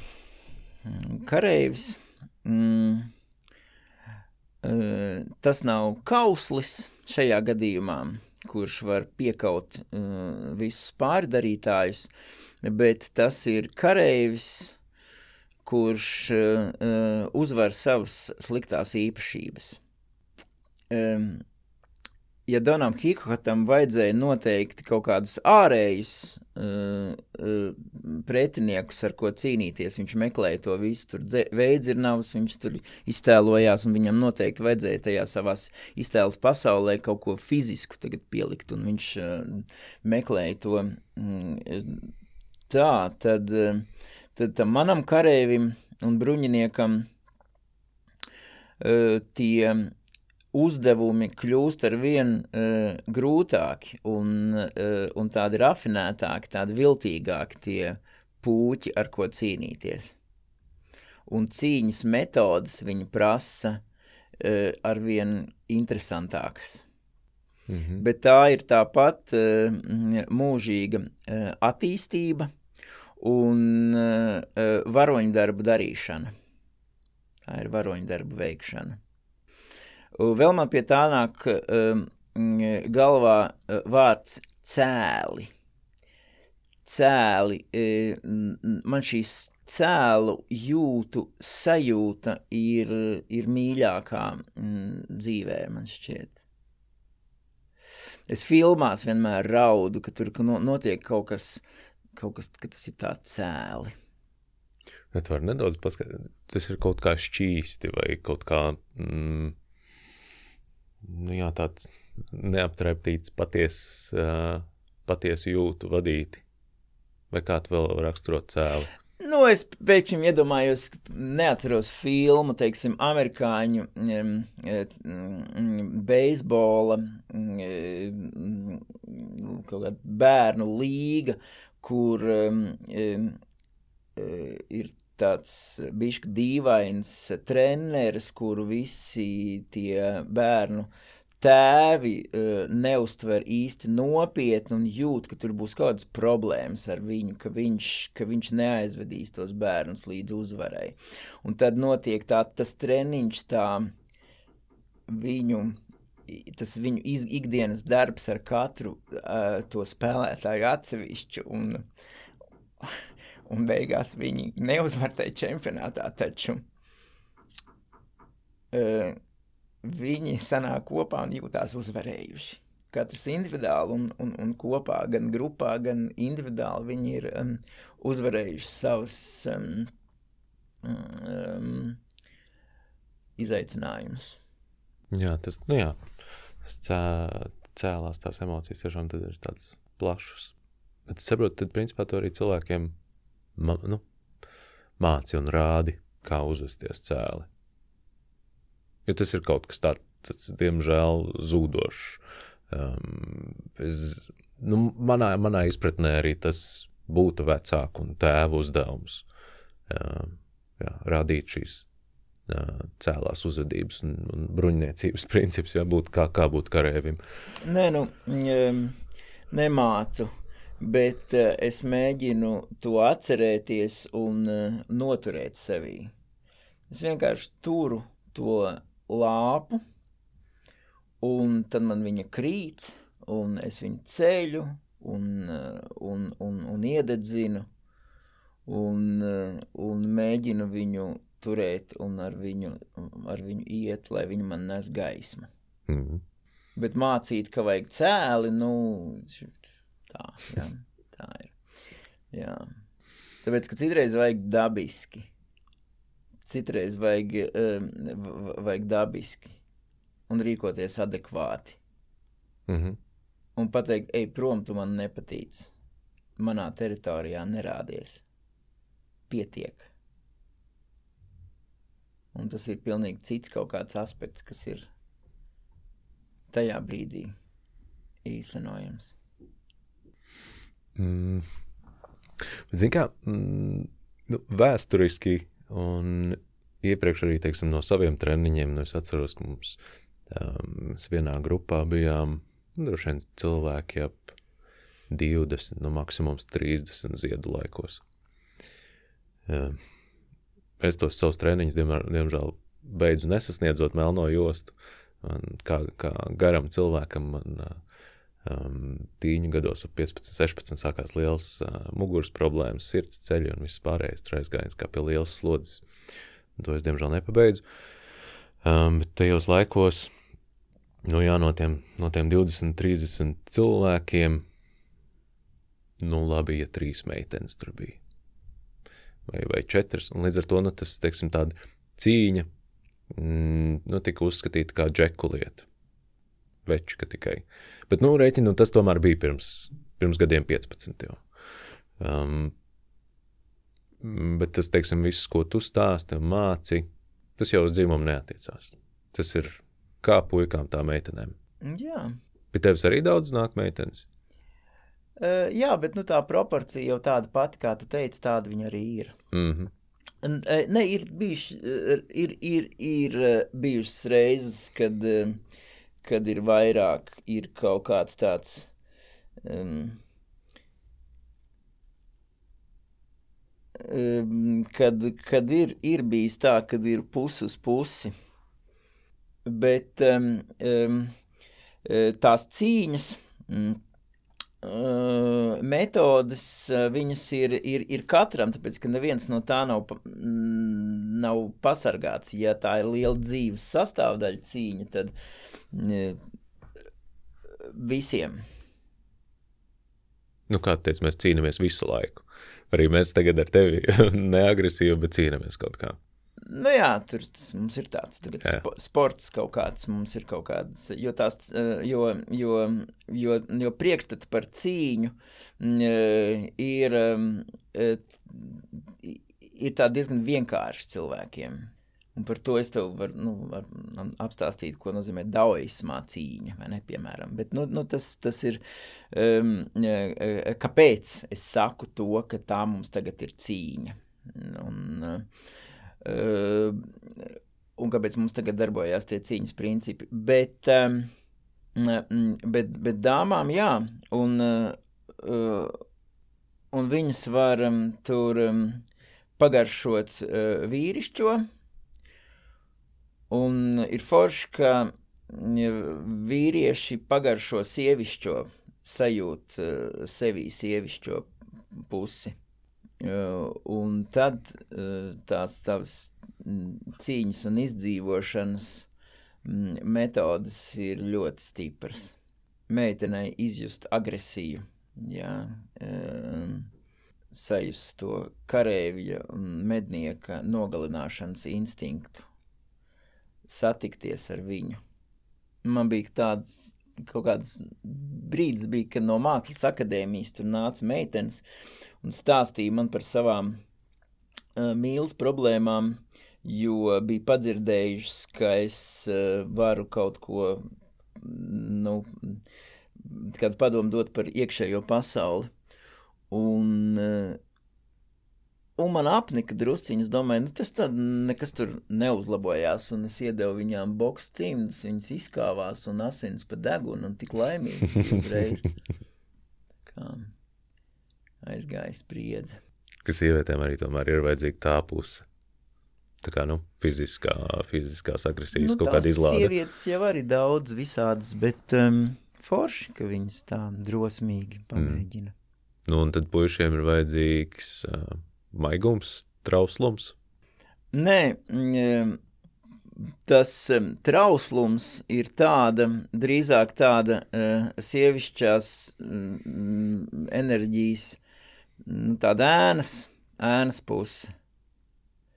Bet maigums gan, jā, maigums, uh, uh, jūtīgums, uh, uh, mākslas sekot, par ko mēs Eh, ar tevi runājams bērnu sakarā sākumā. Pasivitāte. Cīņas augstākā pilotāža ir tad, kad mm, pēc iespējas mazāk enerģijas tiek patērēts. Un, uh, lai tu varētu manipulēt ar uh, pretinieku, tu nevis esi vienā pozīcijā, un viņš ir pretējā pozīcijā, un tā jūs tur viens ar otru cīnaties un, un, un, un, un rīvējaties, un, un kurš būs uh, cietāks akmens, ja, un, un, un kurš tad, tā kā, zin, tās lieldienu olas, kuram būs stiprāk, cietāk ola, uh, bet, um, lai tu varētu viņu uzvarēt, tev ir jābūt iekšā viņā, Lai varētu manipulēt ar pretinieku, tev ir jābūt iekšā viņā. To var izdarīt tikai ar pasivitāti, absolūtu pasivitāti, absolūtu vērošanu. Un, um, tas ir um, taidziķaņa princips, cīņas mākslu iekšējā stila princips. Ir iekšējie un ārējie stili. Ārējie stili ir tā kā tev bija karatē, mm -hmm. kur izmanto mm, mm, uh, savu spēku, un, un kā man šķiet, uh, man liekas, ka Maso Jama ir teicis to, ka um, nu, 60 kg smagu karatistu uzvar 70 kg smags karatists, un savukārt 70 kg smagu karatistu uzvar 80 kg smags karatists. Man šķiet, ka to ir teicis Ojama. Um, un um, līdz ar to tas ir ārējais stils. E, iekšējie stili ir tie, kas izmanto mm, e, pretinieka enerģiju uh, savā labā. Un tas iekšējā stila princips ir iņ un jan princips. Taidzi ķuaņ, tas ir tai čī dūre, Uh, dūra, tai, tai ģī, tai čī, tai čī, tas, tai čī nozīmē tas injaņu princips, viņu tā sauc, kur ir um, divi uh, sākumi, vīrišķais un sievišķais, un viņa uh, mijiedarbība. Pēc šī uh, tu sāc ar to, ka tu esi pretiniekā iekšā pilnīgi uh, um, pasīvi, uh, iepazīsti absolūti visu viņa vestibulārā aparāta uh, svārstības, uh, viņa nolūkus, vēro viņa uh, nu, stāvokli tādā pilnīgi ekstrasensorā līmenī, tie augstākā mm, kaluma meistari. Un tikai pēc tam, tad, kad viņš pats ir gatavs, un tad, kad viņš pats ir uh, gatavs izdarīt to kļūdu, tu pielieto Jan principu, tas ir vīrišķais rīcības princips. Un tad tu uh, izdari to metienu, sitienu vai kaut kādu jebkuru citu manipulāciju, un varbūt pat tu viņu vispār neizdari, tāpēc, ka tas uh, pretinieks pats jau ir sapinies savos nolūkos. Jo tu esi darbojies pēc vēl viena principa, pēc tukšuma principa, kā tur, kur viņš sit, tur nekā nav, tur ir tukšums. Tu radi viņā ilūziju uh, par to, ka tur ir atbalsta punkts, jo viņam vajadzīgs ir atbalsta punkts, lai kaut kur balstītos, lai pa kurienes sistu. Un viņš meklē to atbalsta punktu. Un uh, tajā vietā nekā nav. Tu visu laiku manipulē arī ar savu atbalsta punktu. Tur tevis nav. Tu esi novācis tur fizisko ķermeni no tās vietas. Un tu esi uh, aiz, aiz, uh, paņēmis nost savu emocionālo ķermeni. Tur nekā nav. Viņš visu laiku ķer, meklē, meklē, meklē, meklē, un tur nav. Kamēr uzmanība nogurst un tu izdari pareizo kustību. Sievietēm šajā ziņā ir um, mazāk šķēršļu attīstīt šo tēmu tāpēc, ka tas viņu ego nav uz to, kuram garāks krāniņš, lielāks biceps, kurš ir emocionāli nejūtīgāks un tā tālāk, ja tas viņu tajā audzināšanā tik ļoti mums netiek uzspiests. Tāpēc viņ, viņai varētu būt iespējas to attīstīt labāk saprast labāk. Pasivitāte un sekošana. To stāv, eh, to um, noslīpēt, attīstīt sevī to. Mm. Tur jau nav nekas, teiksim, jādzēš laukā. Kā tu saki, tā, tā, tā ego lieta kaut kāda, vīr, eh, kas, kas vīriešiem parasti ir ielikta. O, tad tur jau viss ir sagatavots tam pirmajam solim. Un, un, un, un tai pasivitātei, tai vērošanai kas savukārt vīriešiem droši vien ir jāmācās. Ja mums ir varbūt vieglāk to otro kaut kādu darbību veikt. Mm, bet tas, ko tu arī teici par nu jā, šo pasivitātes principu, mm, tur bišķītiņi parādās kaut kāda nu jā, tādas uh, empātijas iezīmes, spēja iejusties cita ādā, saprast, ko ko, ko cits domā, kā jūtās. Jā, ir tādi speciāli vingrinājumi, kuri caur fiziskiem pieskārieniem, caur kustībām, caur, kas ir līdzīgi kā kontakta improvizācijai, kas ir tāda, nu, dejas terapijas metode kur mēs trenējam to spoguļu refleksu. Kad nu, spoguļu refleks ir, kad ja, cilvēks dabiski attēlo otru. Mm -hmm. Viņa runas tembru, mīmiku, kustības. Un to attīstot un uh, izmantojot mērķtiecīgi. Parīzē ir tā mīmu ja, tradīcija, kur uz ielām ja, mīms pieslēdzās kādam garām gājējam un atdarina viņa kustības. Viņš kustās tā kā tu. Tu sākumā jūties tā kā tā ne, neomolīgi, pēc tam tu pieņem to, tu pasmaidi viņam tā. Viņš vēl joprojām dara, un tad viņš izdara citu kustību, un tu arī izdari tādu kustību kā viņš. Tas nozīmē, ka viņš bija pilnībā tevī, Mm. pilnībā tevi iepazina, nokopēja, un tad tevī dara kaut ko citu. Tas ir tas princips. Tas ļoti labi. Nē, nē, jā, to, to, to pretkustību es uh, neesmu redzējis. Tad Tas būtu interesanti pavērot.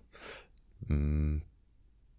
Bet jā, kāpēc, kāpēc es um, pieminēju šo empātiju? Man liekas, ka tas, nu, ja mēs runājam arī tiešām jā, kaut kādā tēvu, tēvu kontekstā, tad uh, vispār mūsdienu cilvēkam, man liekas, tas ir ārkārtīgi svarīgi. Spēt, spēt saprast uh, vai, vai sajust, mēģināt um, sajust, saprast to otru cilvēku, kā, kā viņš jūtas, kādā situācijā viņš atrodas. Un ir forši, ka tu uzreiz jau arī pieminēji, ka, tas, ka tur jau ir pat tādi fiziskie vingrinājumi, kur, kur teorētiski to var uh, trenēt. Mm, es pat jā, gribēju uzprasīt, vai tas ir iespējams tā, tā kā iemācīties tavuprāt. Um, panākuma atslēga ir harmonijā, ir līdzsvarā. Mm, Tiklīdz kā tu kļūsti pārāk empātisks, tur nā, sākās nākamās problēmas. Mm -hmm. Tad, kad tu sajūti cilvēku jūtas, caur jūtām sāc dzirdēt viņa domas, ko ar to visu darīt. Un tad tā uh, viņa doma uh, un viņa uh, sajūta, ko viņš no sevis uh, uh, izstaro, uh, cik ilgi viņa paliek tevī. Un cik ilgi tu ar to staigā līdzi, un cik daudz cilvēku uh, jūtas ir tevī, kuriem tu esi e e e e empa empatizējis. ja? Mm -hmm. Jūs, teiksim, iedomājos, nu, tādi um, psihologi vai terapeiti, viņi jau uh, nedrīkst ilgi sevi turēt, kādu, kādu citu cilvēku šos, teiksim, pārdzīvojumus. Viņam atnāk, uh, izstāst savu bērnu, jā, tajā brīdī viņam, viņš ir jāmēģina uztvert un sajust, bet pēc tam ir jālaiž projām, jo, jo, jo to ne, nedrīkst krāt uz sevi. Tad tas viss sabrūk. Jā, ir jā, uh, nu, tām profesijām, kuras ir saistītas ar emocionālo pasauli, uh, viņiem ir jā, daudz izaicinājumu. Mm. Skolotāji, aktieri, ārsti. Redz, un, uh, diemžēl man liekas, ka uh, tā arī ir tā atslēga, uh, kāpēc uh, bieži vien cilvēki jau netiek ar tām emocijām galā. Tad, tad, tad tas, ko viņi uz sevi uzņēmuši, viņi ar to visu netiek galā, un tur jau sākās atkarība problēmas, alkohols, tur vēl kaut kas trakāks. Un, ka viņi netiek, nu, ne, nemāk tikt no tā projām, vai arī nespēja kontrolēt tās savas emocijas. Nu, tāpēc man liekas, tā emocionālā inteligence mūsdienās ir ļoti, um, labi, jeb, jebkuros laikos ir bijusi ļoti svarīga. Mm, bet, uh, jā, vienkārši noskatoties to, cik ļoti arī talantīgi cilvēki, tie paši aktieri, jā, ko tu saki, uh, um, skolotāji, ļoti daudz redzēts, jā, ka viņiem, viņiem ir pa daudz. Viņi nes, ne, nesapra, ne, nezin, kā tikt galā ar to, ar to savu filtru, varbūt kaut kā atslēgt. Um, jā, tas pašs uh, terapeitus arī, diemžēl, esmu redzējis, jā, kur aiziet vienkārši jau kaut kāda alkohola ceļa. Nu, kas ir biežākais, tīpaši, man liekas, Latvijā, tur, teiksim, postpadomi uh, šajā uh, visā vidē. Biežākais jau kur, kur aiziet alkoholā. Mm. Vai tev ir kaut kādas, uh, kaut kāda paņēmiena, kā izfiltrēt tās, tās visas emocijas? Man liekas, tāds, tāds uh, vieglākais veids vai acīm redzamākais ir vienkārši sports vai nu, fiziskās aktivitātes.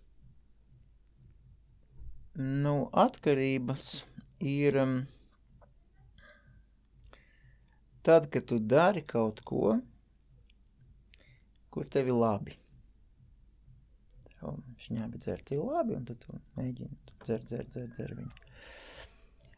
Un um, tāpēc, ka dzīve vairs nepatīk. Mm -hmm. Un tā ir anestēzija pret dzīvi. Mm -hmm. Un tu esi tajā brīdī anestezēts. Tu esi nejūtīgs.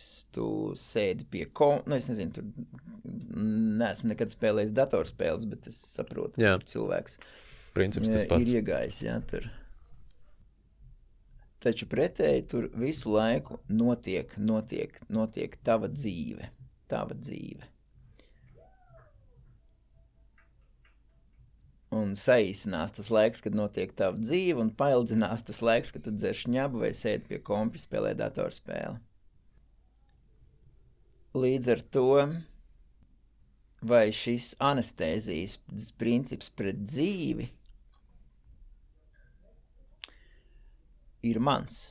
Jo jebkāda, jebkāda anestēzija, lai, ne, ne, nu, ne, lai nedzīvotu dzīvi, arī sports, arī tas nozīmē, ka ir sākums meklējams tajā principā, ka ir darbs un atpūta.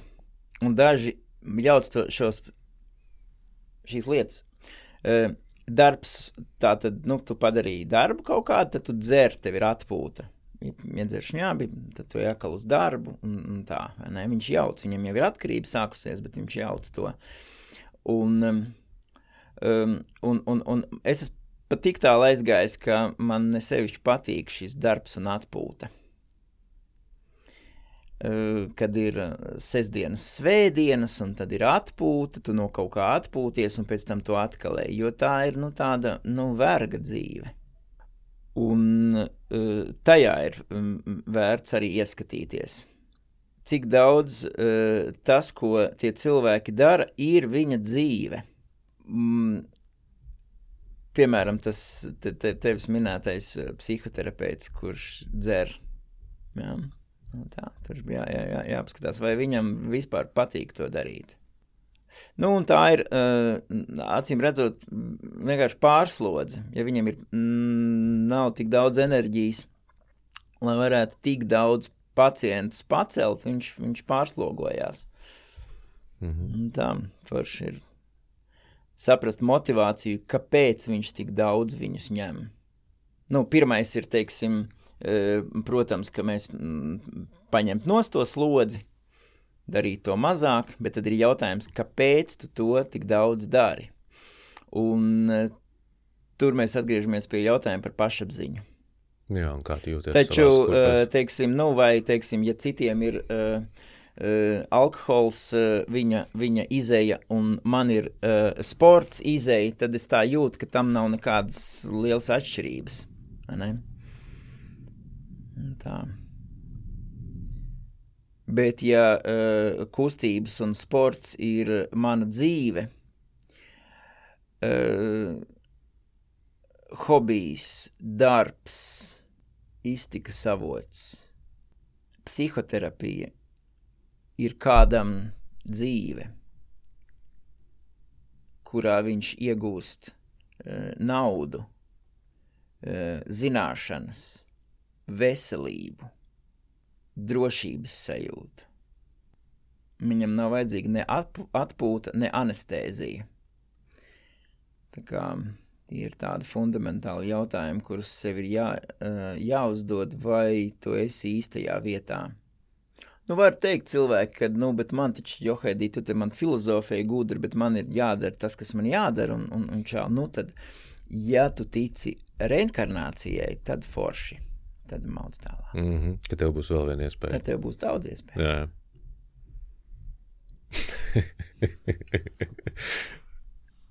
Bet, ja tu gribi dzīvot šo dzīvi, izbaudīt viņu un, un, un, un būt pilntiesīgs šīs dzīves dzīvotājs, tad bišķiet jāpieslēdzās. Jā, tās nelaimes liecina par uh, to, ka, ka, ka kaut kas nav kārtībā, un tās ir brīnišķīgas. Brīnišķīga lieta, ka mums ir sāpes, jo tad mēs uh, nu, nesadegsim guļot jūrmalā saulē. Ar apdegumiem nenomirsim, bet mēs jau kaut kad ātrāk piecelsimies. Jā, man īstenībā vēl gribējās droši vien bišķietiņi arī par tavu uh, darbu parunāt. Um, kādus cilvēkus tu uzņem sev? Nu, ja mēs pirms tam runājam, kad, kad mazos tev nu, tā kā vairāk īpaši, īpaši negribās, vismaz šajā dzīves posmā, kāds, kāds cilvēks tu uzņem pie sevis uz treniņiem? Nu, nāk cilvēki pēc rekomendācijām. Viņi ir dzirdējuši un, un, un lasījuši un dzirdējuši atsauksmes, ka ir kādi labi rezultāti līdzīgā situācijā, kā ir viņiem. Un es uzklausu visus un mēģinu viņiem palīdzēt, vai nu strādāt individuāli, vai nu novadīt uz kādu grupu. Un arī grupās tomēr es cenšos pusi individuāli pievērst uzmanību katram cilvēkam. Mm -hmm. Bet tie cilvēki, nu, teiksim, nu, nezinu, vecuma robežās, teiksim, sākot no 10 līdz 50? Sākot no, no, no, no 3 līdz uh, 100, mm -hmm. bet uh, tad, tad mēs skatāmies, nu varbūt, ka tas trīsgadīgais vēl ir pelnījis mātes krūti un mīlestību, un par cīņām vēl viņam ir pāragri domāt, lai arī vecākiem šķiet, ka jo ātrāk sāksim, jo laimīgāki būsim, bet um, tad, tad mēs tā paskatāmies un domājam, ka varbūt nē. Un uh, tad um, ir nākuši dažādi. Man bija interesants gadījums, ka man zvanīja viens vīrs, un viņš saka, ka grib savu dēlu sūtīt pie manis uz treniņiem. Un es viņam stāstu, ka man ir tāda pieredze, ka mēs, es aicinu vecākus kopā ar bērniem un tēvs ar dēliem, un es sajūtu tur dažādas vērtības, un es jau sāku apzināties tās vērtības, kas tur ir, un viņam arī rekomendēju Un beigās es pajautāju, uh, cik, viņam, uh, cik viņa bērnam ir gadi, viņš teica, ka viņa bērnam ir 45 gadi, un ka viņam ir mm, tuvu 80 pašam. Jā, tā kā... Šis labs, jā. Interesanti, ka tas bērns pats nevarēja uzzināt. Um, bet, teiksim, Nu, man meitai tulītās būs trīs gadi. Tad ļoti apzinīgi meitene. Vai tu ieteiktu mums abiem diviem nākt pie tevis? Nē, nu redzi, um, um, uh, kāpēc cilvēkiem patīk pie manis nākt? Tāpēc, ka mani, uh, mana aizraušanās ir pedagoģija, un es esmu piešāvis tajā roku, un man ir attiecības labas ar bērniem, es uh, saprotu viņu valodu, un eh, viņiem ir patīkami pie manis, viņi tur eh, jūtas labi, viņi jūt siltumu, viņi jūt ieinteresētību, un tāpēc cilvēki zina, ka pie tāda skolotāja viņi labprāt sūtītu bērnus, aizmirstot to, ka tā ir cīņa un ka tā ir māksla nogalināt. Un kad šo pretrunu uh, uh, saprast var vispār diezgan reti cilvēki, kā var būt labs cilvēks, uh, uh, nodarboties ar uh, mākslu nogalināt. Trenēties, durt ar nažiem, sist ar nunčakiem, spērt ar kājām, satvert, laust, žņaukt un, un tā. Un tā ir tāda uh, pavisam dīvaina pretruna, par kuru uh, uh, mēs esam pieņēmuši to, ka tas jau droši vien, kad ir ok, vai ne? Droši vien, ka tur kaut kas ir. Un ka, kad nu, ir tādas tur, mm, bet tā ir pašam sev jāsaprot, ko tas nozīmē. Mm -hmm. Un uh, uh, vai tas bērns apzināti ir uh, sajūtis uh, kaut kādu vajadzību tieši pēc cīņas un uh, izprast to savu cīņas aspektu, izprast savu agresiju. Viņš pats, viņš pats, pats nāk un, un, un, un grib mācīties. Un tad var to bērnu novirzīt uh, kaut kādā humānā gultnē, kad viņš ir uh, piepildījis savas vajadzības. Uh, ja man ir izdevies uh, saprast, kas ir šīs vajadzības, lai viņa agresija nepārvērstos destruktīvā agresijā.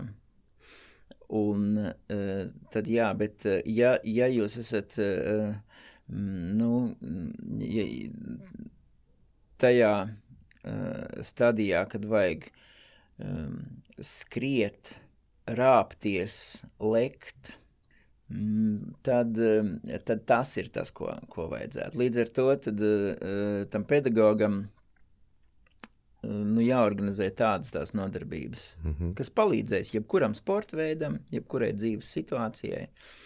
Tad at, attīstās dabīgā veidā. Mm -hmm. Šim vecumam ir ļoti svarīgi dabiskais ceļš, jā, dabiski, kā jebkuram vecumam. Bet um, te tad ir tas risks salauzt viņu un uh, uh, iepotēt uh, pretreakciju, pret uh, mācīšanos, um, bailes ielikt kaut kādas. Jā, viņam būs uh, jāizpilda kaut kas, uh, kas viņam ir pa grūtu, kas viņam nav atbilstoši. Mm, tam, ko tu teici, man patika, jā, es dzirdēju tādu teicienu, ka paši bīstamākie zināmā mērā labākie cilvēki ir tie, kuri uh, māk no, nogalināt, spēj nogalināt, bet viņi izvēlās to nedarīt. Jo, teiksim, uh, ir viegli būt gļēvulim, kurš, kurš, kurš teiksim, bēg no tā visa un, un, un, uh, un pakļauties, teiksim, noteikumiem. Bet, nu, to, to varētu, zināmā mērā, uh, uz, uztvert par gļēvulību, ja tu vienkārši visu laiku pakļaujies noteikumiem, bet ja tu zini, uh, savukārt cilvēks, kurš, kurš nebaidās pārkāpt noteikumus un, uh, un, un, un, un, un spēj viņus laust uh, visus likumus, taču izvēlās būt labs un paklausīgs pilsonis tikai tāpēc, ka viņš pats to vēlas, tas ir pats bīstamākais. Un tas man liekas, jā, arī kaut kas līdzīgs, ko tu minēji. Kāpēc, jā, es arī jautāju par kādām attiecībām vai, vai, vai bērnu iešanām un, un, un vecumiem. Man interesē, kā, kā vispār iet ar tiem pašiem vecākiem, kurus tu satiec. Un, teiksim, nāk pie tevis bērni trenēties. Vai nav tā, ka ar tiem pašiem vecākiem ir baigi daudz, nezinu, jā, nu, sauksim to par cīnīšanos, ka daudz ar viņiem jācīnās? Um, Nu, bē, vecāki ir bērnu uh, dzīve. Un uh, tad, kad viņš nāk un stāsta par savu bērnu problēmām, tad es skatos uz viņu un, un, un, un jautāju, kas ir ar viņu pašu notiek, kas jums notiek tajā ģimenē un, un kāds tu esi. Eh, ja viņš saka, ka manam dēlam vajadzētu iemācīties kauties, tāpēc ka es savā jaunībā nemācēju un man bija grūti, es saku, nāc, tu kaujies. Mm. Un sāksim ar to, ar ko mums ir jāsāk. Un eh, tad eh, daži parakstās uz to, un uh, sāk tur sist pa boksa maisu un, un, un viens otram, un uh, tad viņš sajūt tādu um, sen aizmirstu libido uzplaukumu sajūtu, ka viņš tagad ir ritīgs vecs, viņš gāž pa boksa maisu, ko viņš nav mm, ikdienā uh, birojā darījis, un, un uh, atcerās par saviem instinktiem, un uh, ir laimīgs, un tad viņi nāk, uh, nāk turpināt kopā ar tiem bērniem. Un tad viņi nāk abi divi, un uh, viņi ir abi divi tajā grupā kā tādi vienlīdzīgi grupas dalībnieki, kur uh, f, m, es atturu vecākus no uh, asistēšanas man, Un uh, ka viņi arī trenējās, viņi dara vingrinājumus, katrs savu vai, vai abi vienu. Uh, viņi viens uz otru var redzēt, kāds ir, kā tas tētis ir stiprs un foršs, un tas tētis skatās uz to bērnu. un tad viņi tur neatkarīgi ir manā pakļautībā. Ir tāds tā, tāds nīķis, ka vecāki grib par to savu pa, samaksāto naudu no tā bērna izspiest maksimumu, un tāpēc nu, neslinko un aiziet un visu laiku asistē man. Uh, un uh, es uz to um, viņus mēģinu atturēt, jo uh, bērnam ir kā jebkuram cilvēkam, ir tas informācijas apjoms, ko viņi var uh, apgūt. Un tad viņam ir nepieciešams iziet no tā ārā, lai smadzenes sāk atcerēties, un, un tad viņi kaut kā reaģē tur nepaklausās, un, un tā. Un tad ir kaut kāda smalka lieta, kad viņi jājūt tie cilvēki, kad, kad viņš vēl var, un viņš jau nedara, tad viņu var treneris pa, pamudināt, bet ir kaut kādi brīži, kad viņš vairs nevar, un tad mēs viņus nepārslogojam. Nu, tad tas vecāks, viņš arī šajā situācijā, ka viņi ir divi neatkarīgi cilvēki, viņi var um, paņemt līdzi no tās nodarbības to sajūtu arī uz mājām. Viņi pārstāja, viņš pārstāja to, to, to bērnu nepārtraukti ārstēt. Viņu nepārtraukti audzināt, viņu nepārtraukti tur. Mm, e, labot savu vecāku pieļautās kļūdas pret sevi, visu laiku ņemties, ņemties, ņemties. Tā, ne? Viņi abi dara lietas kopā. Tad forši, jā, kopā pastāvēšana iemācīties. Jā, un to es arī uh, sapratu kā vērtību, kuru var dot, kuru var producēt jau, kur sanāk, ja? mm -hmm. jau uz vairāk, vairākās situācijās. Man gribētos te uzjautāt par, um, ko tu domā par meditēšanu un, un, un meditācijas mācību, un arī bērniem. Uh, Taču, nu, tas bišķiņi, protams, rīvējās ar vienkāršu klātesamību un vērošanu.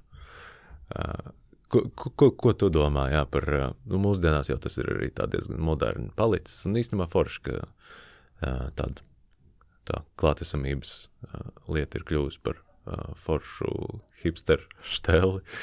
Uh, vai tas ir kaut, kaut kas tāds, ko tu māci? Um, meditācija ir darbs ar uzmanību. Mm -hmm. Un meditāciju veidi ir ļoti daudz. Un uh, viena lieta ir, uh, ka mēs meditējam uh, sev ērtos apstākļos, kur jūtamies droši un atslābuši. Un uh, cits veids, ka mēs meditējam grūtos apstākļos, kur ir daudz šķēršļu, kas novērš uzmanību. Um, un nākamā, um, nākamais solis uh, ir um, uh, pastāvīga meditācija. Meditācija nepārtraukti, visu laiku. Tas nozīmē, ka uzmanība um, mm, ir, uh, ir, ir, ir, ir tevī, un tu viņu, tu viņu, tu viņu, um, tu viņu vadi. Un um, kareivja uzmanība uh, ir um, vienmēr modra, Un eh, tās mindfulness būšanas ir nākušas no dzenbudisma, kurā mm, jebkura rīcība ir apzināta, jebkura doma ir, ir, ir apzināta, kurā tu esi saimnieks pār savām domām, jūtām, ķermeni. Cik vien tas ir iespējams cik tas ir iespējams. Jo jebkura uh, uh, nodarbība, kur tu dar, uh, lieto savu uzmanību, ir meditācija. Mm -hmm. Un, um, uh, uh, ja bērni lieto savu uzmanību, tā tad, tā tad viņi meditē. Sēž, taisa klučus pusstundu. Tas pats meditatīvais stāvoklis. Nu, um, um, teiksim, uh, skatoti, skatīties multenes pusstundu. Um, tas ir kaut kas līdzīgs, kā mēs runājam par anestēziju, kā atkarību, kā anestēziju pret dzīvi, pret realitāti. Viņš ļoti, ļoti paņem. Uh, savukārt, uh, nu, bet tad ir jārunā par meditāciju veidiem. Tad, ko, uh, ko uh, tu biji domājis uh, ar hipsteru meditāciju? Jo, uh, jo viena no, tikai viena no meditāciju paveidiem ir uh, nepārtraukta apzinātība. Un tas ir um, tas, par ko es sākumā runāju, ka tev viss patīk. Un tas palīdz uh, būt apzinātam. Jo nu, ļoti viegli apzinātam būt ir saulainā dienā pie jūras, kur ir silts ūdens, smiltis, šalts, un ir patīkams atmiņas, un vispār visiem tur patīk. Un līdz ar to tad, tad, tad, tad cilvēks saka, mēs esam braucu meditēt pie jūras, tur sēdēt, tur var ilgi sēdēt un vērot saulrietu, un tāpēc, ka viņam tas patīk. Un uh, uh, līdz ar to tas patīk, tas ir atslēga uz to, uh, uz apzinātību, uh, Un, un, un tad skatīties tās atšķirības, kas ir pilsētā un kā um, atnest to patīk līdzi uz, uz pilsētu vai uz citu vidi. Um, un iepatikties visām lietām, ko tu dari. Jo cik ilgi var būt apzināts uz kaut ko, kas tev nepatīk ļoti. Il, uh, un, un, un um, līdz ar to um, man bija tāds. Um, to arī var saukt par uh, kaut ko līdzīgu cigunu praksē. Bet tāda pavisam alternatīva tā ir. Es skrēju krosu uh, Valmierā uh, līdz Gaujai no mājām, Un uh, tur es nopeldējos tajā gaujamalā. Uh, un uh, tad bija tāds nogurs, jo bija tālu gabals skrējis, un domāju, paiešu ar kājām vienkārši atpakaļ uz tām mājām. Un mm, gāju cauri tādam krūmainam uh, pudurim, un uh, tur uh, bija daudz odi. Un tie odi sāka man kost. Un uh, viņa man salaidās uz muguras, liela platība, visu nosakt ar tiem modiem. Un es uh, sajūtu, ka man, ka tie kodieni ir tāda kā masāža, kā, un, un man tik ļoti patika tas, kā man kož tie odi, ka es sāku iet ar vien lēnāk un lēnāk un lēnāk. Un es gribēju, lai šī sajūta paildzinās ilgāk un ilgāk un ilgāk. Un tad, kad es izgāju uh, ārpus uh, tā, tās krēslas, uh, tur tie odi pazuda. Tad uh, es domāju, nu tā uh, stulba būtu iet atpakaļ un ļaut odiem sev kost. Um, bet um, uh, līdz ar to šo, uh, šo defektu es pārvērtu efektā. Un tas nav uh, seksuāla mazohismam rada tā sajūta, mm, bet tā ir, um, tā, tā, tas ir kaut kas cits. Uh, piemēram, uh, uh, muskuļu stiepšanas vingrinājumi jogā vai cīņas mākslās, kur šī šis diskomforts tiek padarīts par ļoti patīkamu procesu. Gan pats process paliek patīkams, gan arī rezultāts patīk pēc procesa.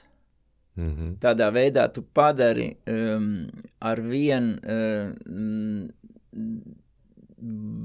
vairāk uh, lietas patīkamas. Tu sajūti, kā var, ka var Labā ziņa ir, ka var uh, pat odu košanu mugurā sajust kā patīkamu procesu. Tev viņš patīk, tu atceries, ka tas ir patīkami, Nu, es nerunāju tagad par tiem modiem, tiem dievs ar tiem modiem, bet, uh, bet uh, par, par, par visu, ko tu dari. Mm -hmm. Un tādā veidā uh, tad ir meditatīvs process nepārtraukti. Lai ko tu darītu, tu to dari apzināti, tu esi tajā.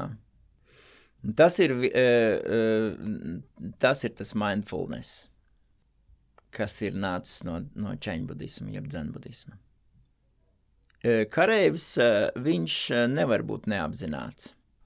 Gan, gan pirms cīņas, gan cīņas laikā, gan, gan rehabilitācijā pēc tā kara, pēc, pēc stresiem, mm, karš ir beidzies, un viņš vairs nav karā, tāpēc ka viņš jau ir citur viņš ir realitātē.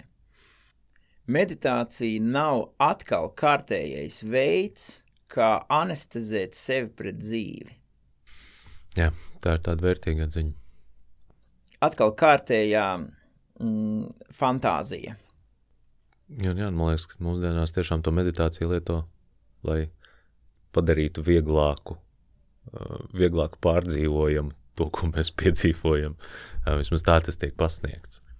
Mm, savukārt arī līdzīgi tas, ko tu saki, ka man liekas, ka lielo, vēl lielāka vērtība ir tajā, ka mēs varam izbaudīt nepatīkamos brīžus, tās sāpes, tos lielos pārdzīvojumus uh, un iepazīt to savas pusi, savu pusi. Uh, jo izbaudīt prieku, izbaudīt uh, meditāciju saulītē, pludmalē, jā, protams, tas jau visiem ir patīkami. Savukārt, ja tu spēj samierināties un iepazīt to savu nepatīkamo pusi, no kuras tev visu laiku gribas bēgt projām, tur jau radās tas spēks. Iepazīt sevi tajā brīdī, kad tev rīktīgi gribas bļaut uz bērnu. Un sajust to, ka tās dusmas sāk uzmākties. Nu jā, tas ir tas brīdis, kad tu esi kaut kādu laiku nokavējis tu esi kaut kādu brīdi bijis neapzināts.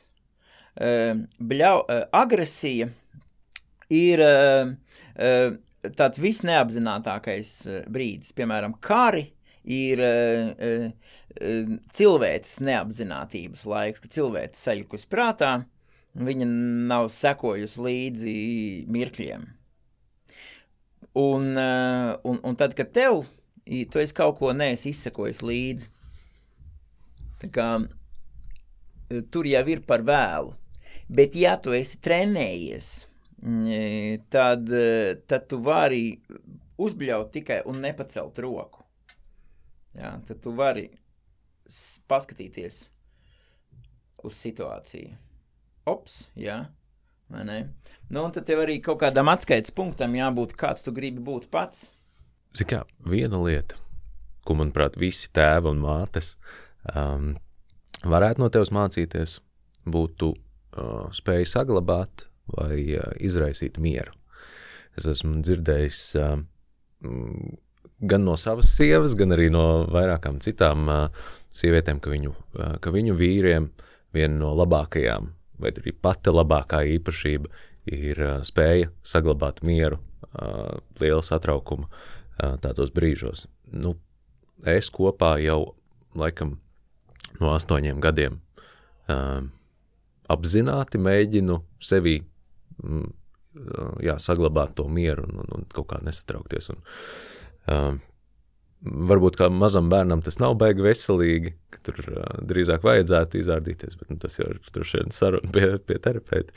Uh, bet nu, 20 gadu laikā uh, vairāk nekā 20 gadi, nu, es uzskatu, ka es esmu ļoti labi izklopis šo mākslu un tiešām spēju arī ar to mazo tracinošo cilvēku uh, saglabāt to mieru.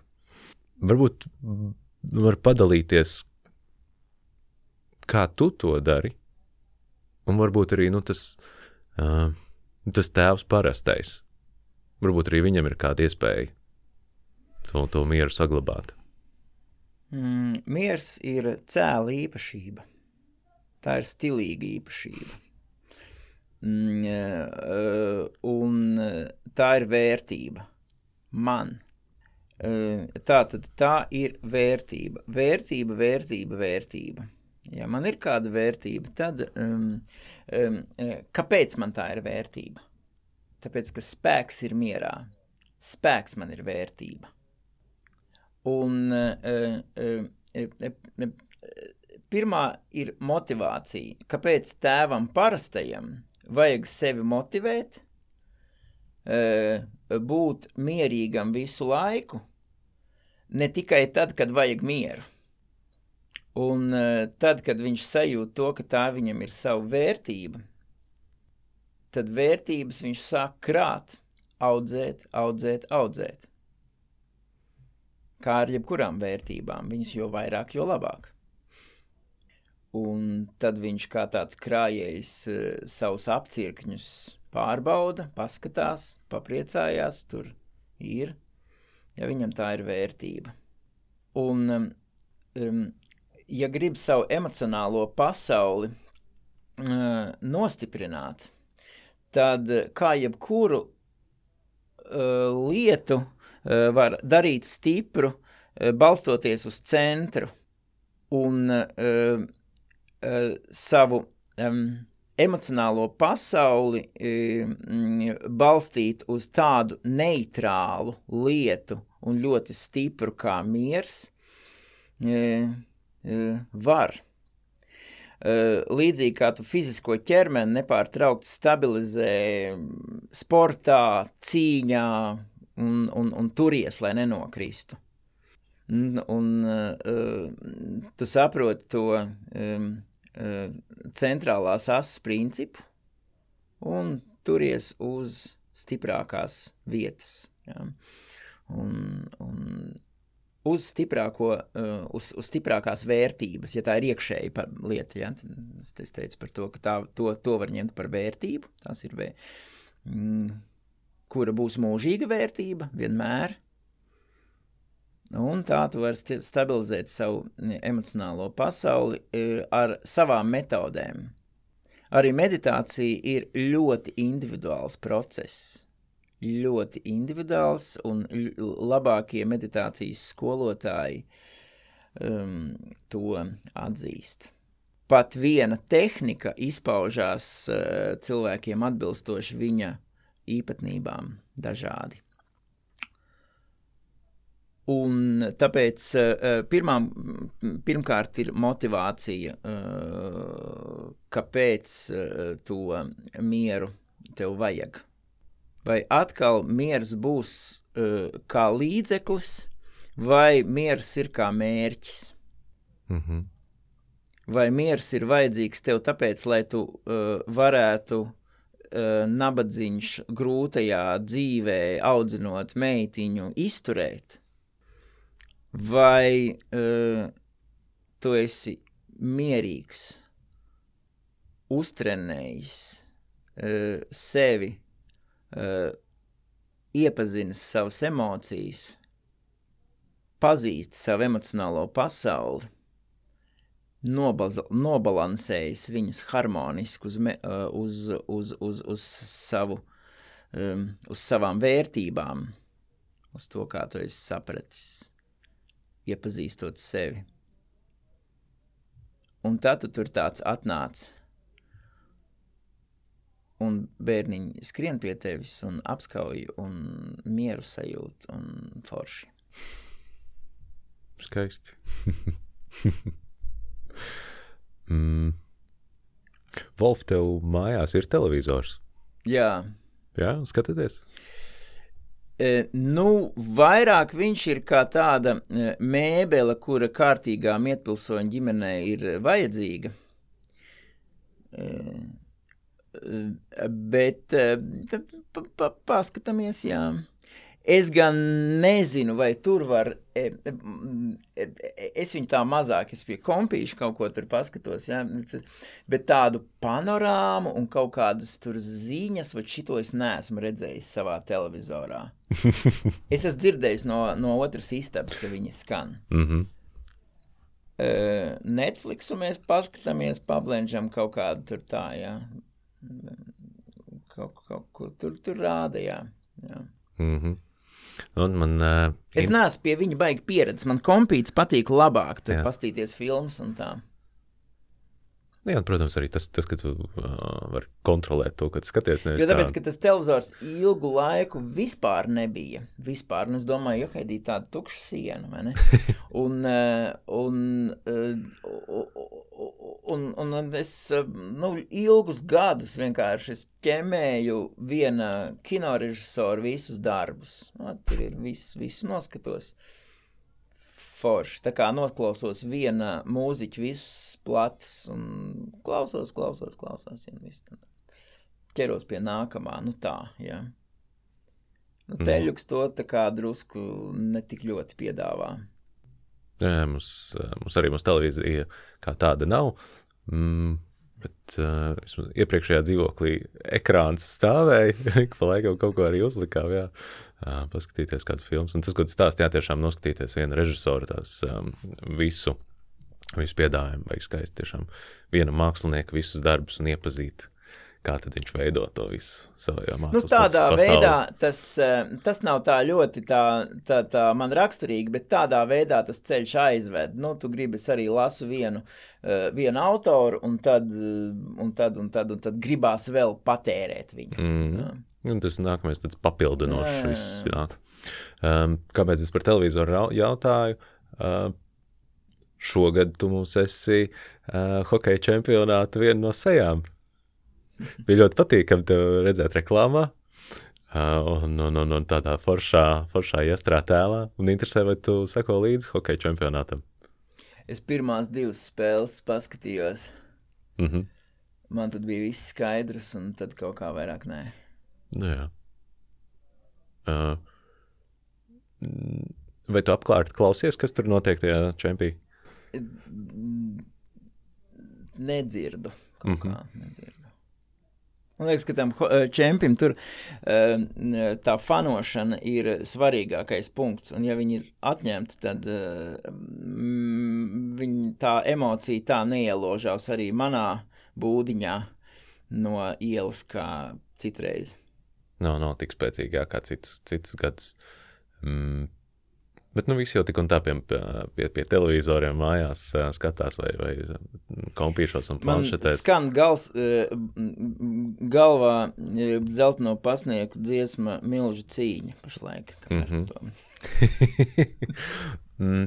Nu, es tev, diemžēl, varu apbēdināt, ka mūsējie vakar izstājās no, no, un net, netika uh, ceturdaļ finālā. Daži man pārmet, ka uh, tas ir tikai tāpēc, ka es neesmu redzējis. Es pirmo spēli skatījos, tad, uh, ir tad jau, okay. protams, jā, jā, jā. Pa, pateicoties tev, Mm, jā, uzvarēji. Jā, es ne, nu, jā. Man sākumā bija tāds bailes, ka e, tā atpazīstamība būs tāda, ka, e, ka viņi nāks uz ielas man klāt un pārmetīs par visu to, ko izlase nav izdarījusi. Mm, Bet par cik nu, tā fanošana nav tik uh, tagad iespējama, tad es arī esmu pasargāts. Mm -hmm. ok. Um, nu, klausies, man liekas, mēs jau savas gan arī trīs stundas esam beiguši forši norunājuši. Uh, un pašās beigās man patīk uzdot trīs jautājumus katram viesim. Pirmais jautājums ir pirms tam. Pastāsti, kur cilvēki var tevi atrast. Ja nu viņiem uh, ir ieinteresējis tas, ko tu stāsti, un viņi tomēr grib uh, sevi vai savu 45-gadīgo dēlu atvest pie tevis. Um, e, man notiek divās vietās. Mm, e, e, Grīziņkalnā, netālu no Geto Games un pie Māras dīķa. Un tā visu gadu, ga, uh, mīnus 17 grādos arī, mm, tā mēs visu laiku tur darbojāmies. Mm, Un tā arī tas turpināsies vēl mm, e, jūnijā. Un tad uh, jūlijā un augustā būs iespēja tikai braukt uz nometnēm. Uh, un nu, tur mani var atrast. Nu, tad uh, man parasti Facebookā cilvēki raksta, un, un tad uh, mēs kaut kā sakomunicējam, tad piezvana. Un tad es aicinu atnākt, paskatīties, pamēģināt un saprast, vai uh, piedāvājums sakrīt ar pieprasījumu. Mm -hmm. Jā, var, var, var uzreiz tev sakomunicēt. Nu, es skatījos arī mājaslapā uh, Wolfs LV. Uh, tev strādā un tur ir diezgan daudz ko var palasīt. Uh, un jā, tad uh, man noslēdzošie trīs jautājumi. Pirmais, uh, kāda ir tev pēdējā laika mīļākā grāmata? Uh, mm, man šķiet, ka es esmu pēdējo vienu no Peļēvina lasījis, bet uh, es neatceros kuru. Es neatceros, ko, uh, es atceros sižetu, bet es neatceros kuru, bet, nu, Peļēvins man ir mm, mm, anestēzija pret dzīvi. um, otrais jautājums, vai tu tici citplanētiešiem? Nu, man tā ticības uh, lieta mm, vispār nesaista. Es, um, es um, sajūtu, es uh, gribu mm, pārliecināties, un tāpat, ja man tur nav lemts, nu, tad es par to daudz nedomāju. Man ir daudz lietas, par kurām uh, nevajag domāt. Un uh, es neesmu par to sen domājis. Trešais jautājums tad ir, kāda ir viena lieta um, vai viena mācība, ko tu atceries no sava tēta? Mēs gājām cauri mežu, un es viņam prasīju, vai tev nav bail? Un viņš teica, ka tad, kad tu man esi blakus, tad man nav ne no kā bail. Mm. Tas tāds spēcīgs vēstījums. Un pašā beigās tu vari uzdot man vienu jautājumu. Kāpēc tev ir svarīga tā tēva būšana ne tikai sev, bet uh, visiem pārējiem tēviem? Kāpēc tev ir interesanta tā tēma? Mm. Es, uh, tas man palīdzēja kā, uh, sajusties mm, labāk savā tēva lomā. Un, un es uh, redzu tādus tādu kultūrālu iespaidu uz to. Attiecīgi, es un mēs, biedrība tēva, mēs mēģinam izgud, izglītot, pišķietiņu pamācīt un, un pavirzīt varbūt tēvus mm, tādā klātesošākā uh, mm, situācijā. Un, un es zinu, ka tas, ka jo vairāk tēvi iesaistīsies savu bērnu audzināšanā, būs, būs klātesoši. Un, un, un, un, un būs atbalstoši un sajutīsies, uh, sajutīsies labāk um, savā ķermenī, savā, savās kurpēs, um, labāk sapratīs savas emocijas. Es, es zinu, ka viņi izaudzinās um, veselākus, labākus bērnus. Tas nozīmē, ka nākamā paudze būs veselāka, izdarīs labākus lēmumus. Principā es šādā veidā rūpējos par to, par, par nākotni, jā, lai mums ir tiešām visiem labāka nākotne. Un, un, un tas, tas, tas nu, varbūt, jā, utopiski varbūt izklausās, un, un, un, un kaut kādā ziņā, ziņā varbūt ir muļķīgi, un, un, un šādas lietas Mm, var dzirdēt mārketinga sloganos. Bet uh, man, man tiešām man tā ir uh, pilnīga pārliecība. Es uh, pirmos uh, tādus kārtīgos šos vecāku kursus sāku iet, tad, kad man meitai bija pāris mēneši, uh, nu, un ir pabeidz uh, pēc dažiem uh, mēnešiem. Un tad es sapratu, jā, cik īstenībā tas ir vērtīgi un cik, um, cik labi būtu tiešām visiem Latvijas un visiem pasaules eh, tēviem un vecākiem iziet kaut kam tādam uh, cauri, iemācoties par to, kāds ir bērns, kāds ir īstenībā cilvēks. Un, uh, un kā jau mēs ar tevi runājām, ka, uh, lai, lai palīdzētu bērnam, uh, tur labākam uzaugt vai labāk audzināt viņu, ir no sākuma jāizaudzina sevi. Un tas īstenībā, jā, nu, ir no sākuma tas darbs tēviem pašiem ar sevi. Kaut kā tā. Uh, Wolf šī laikam ir rekordists saruna mums, un, uh, un tikai tāpēc, ka uh, saturs bija ļoti, ļoti vērtīgs. Un uh, paldies, milzīgs, milzīgs paldies, ka veltīji visu šo laiku. Uh, ne tikai man, bet mums visiem un visiem, kas klausījās. Es zinu, ka citi cilvēki arī iegūst ļoti, ļoti daudz vērtīgas atziņas priekš sevis. Lielas, liels tev paldies! Mm. Lai veicās!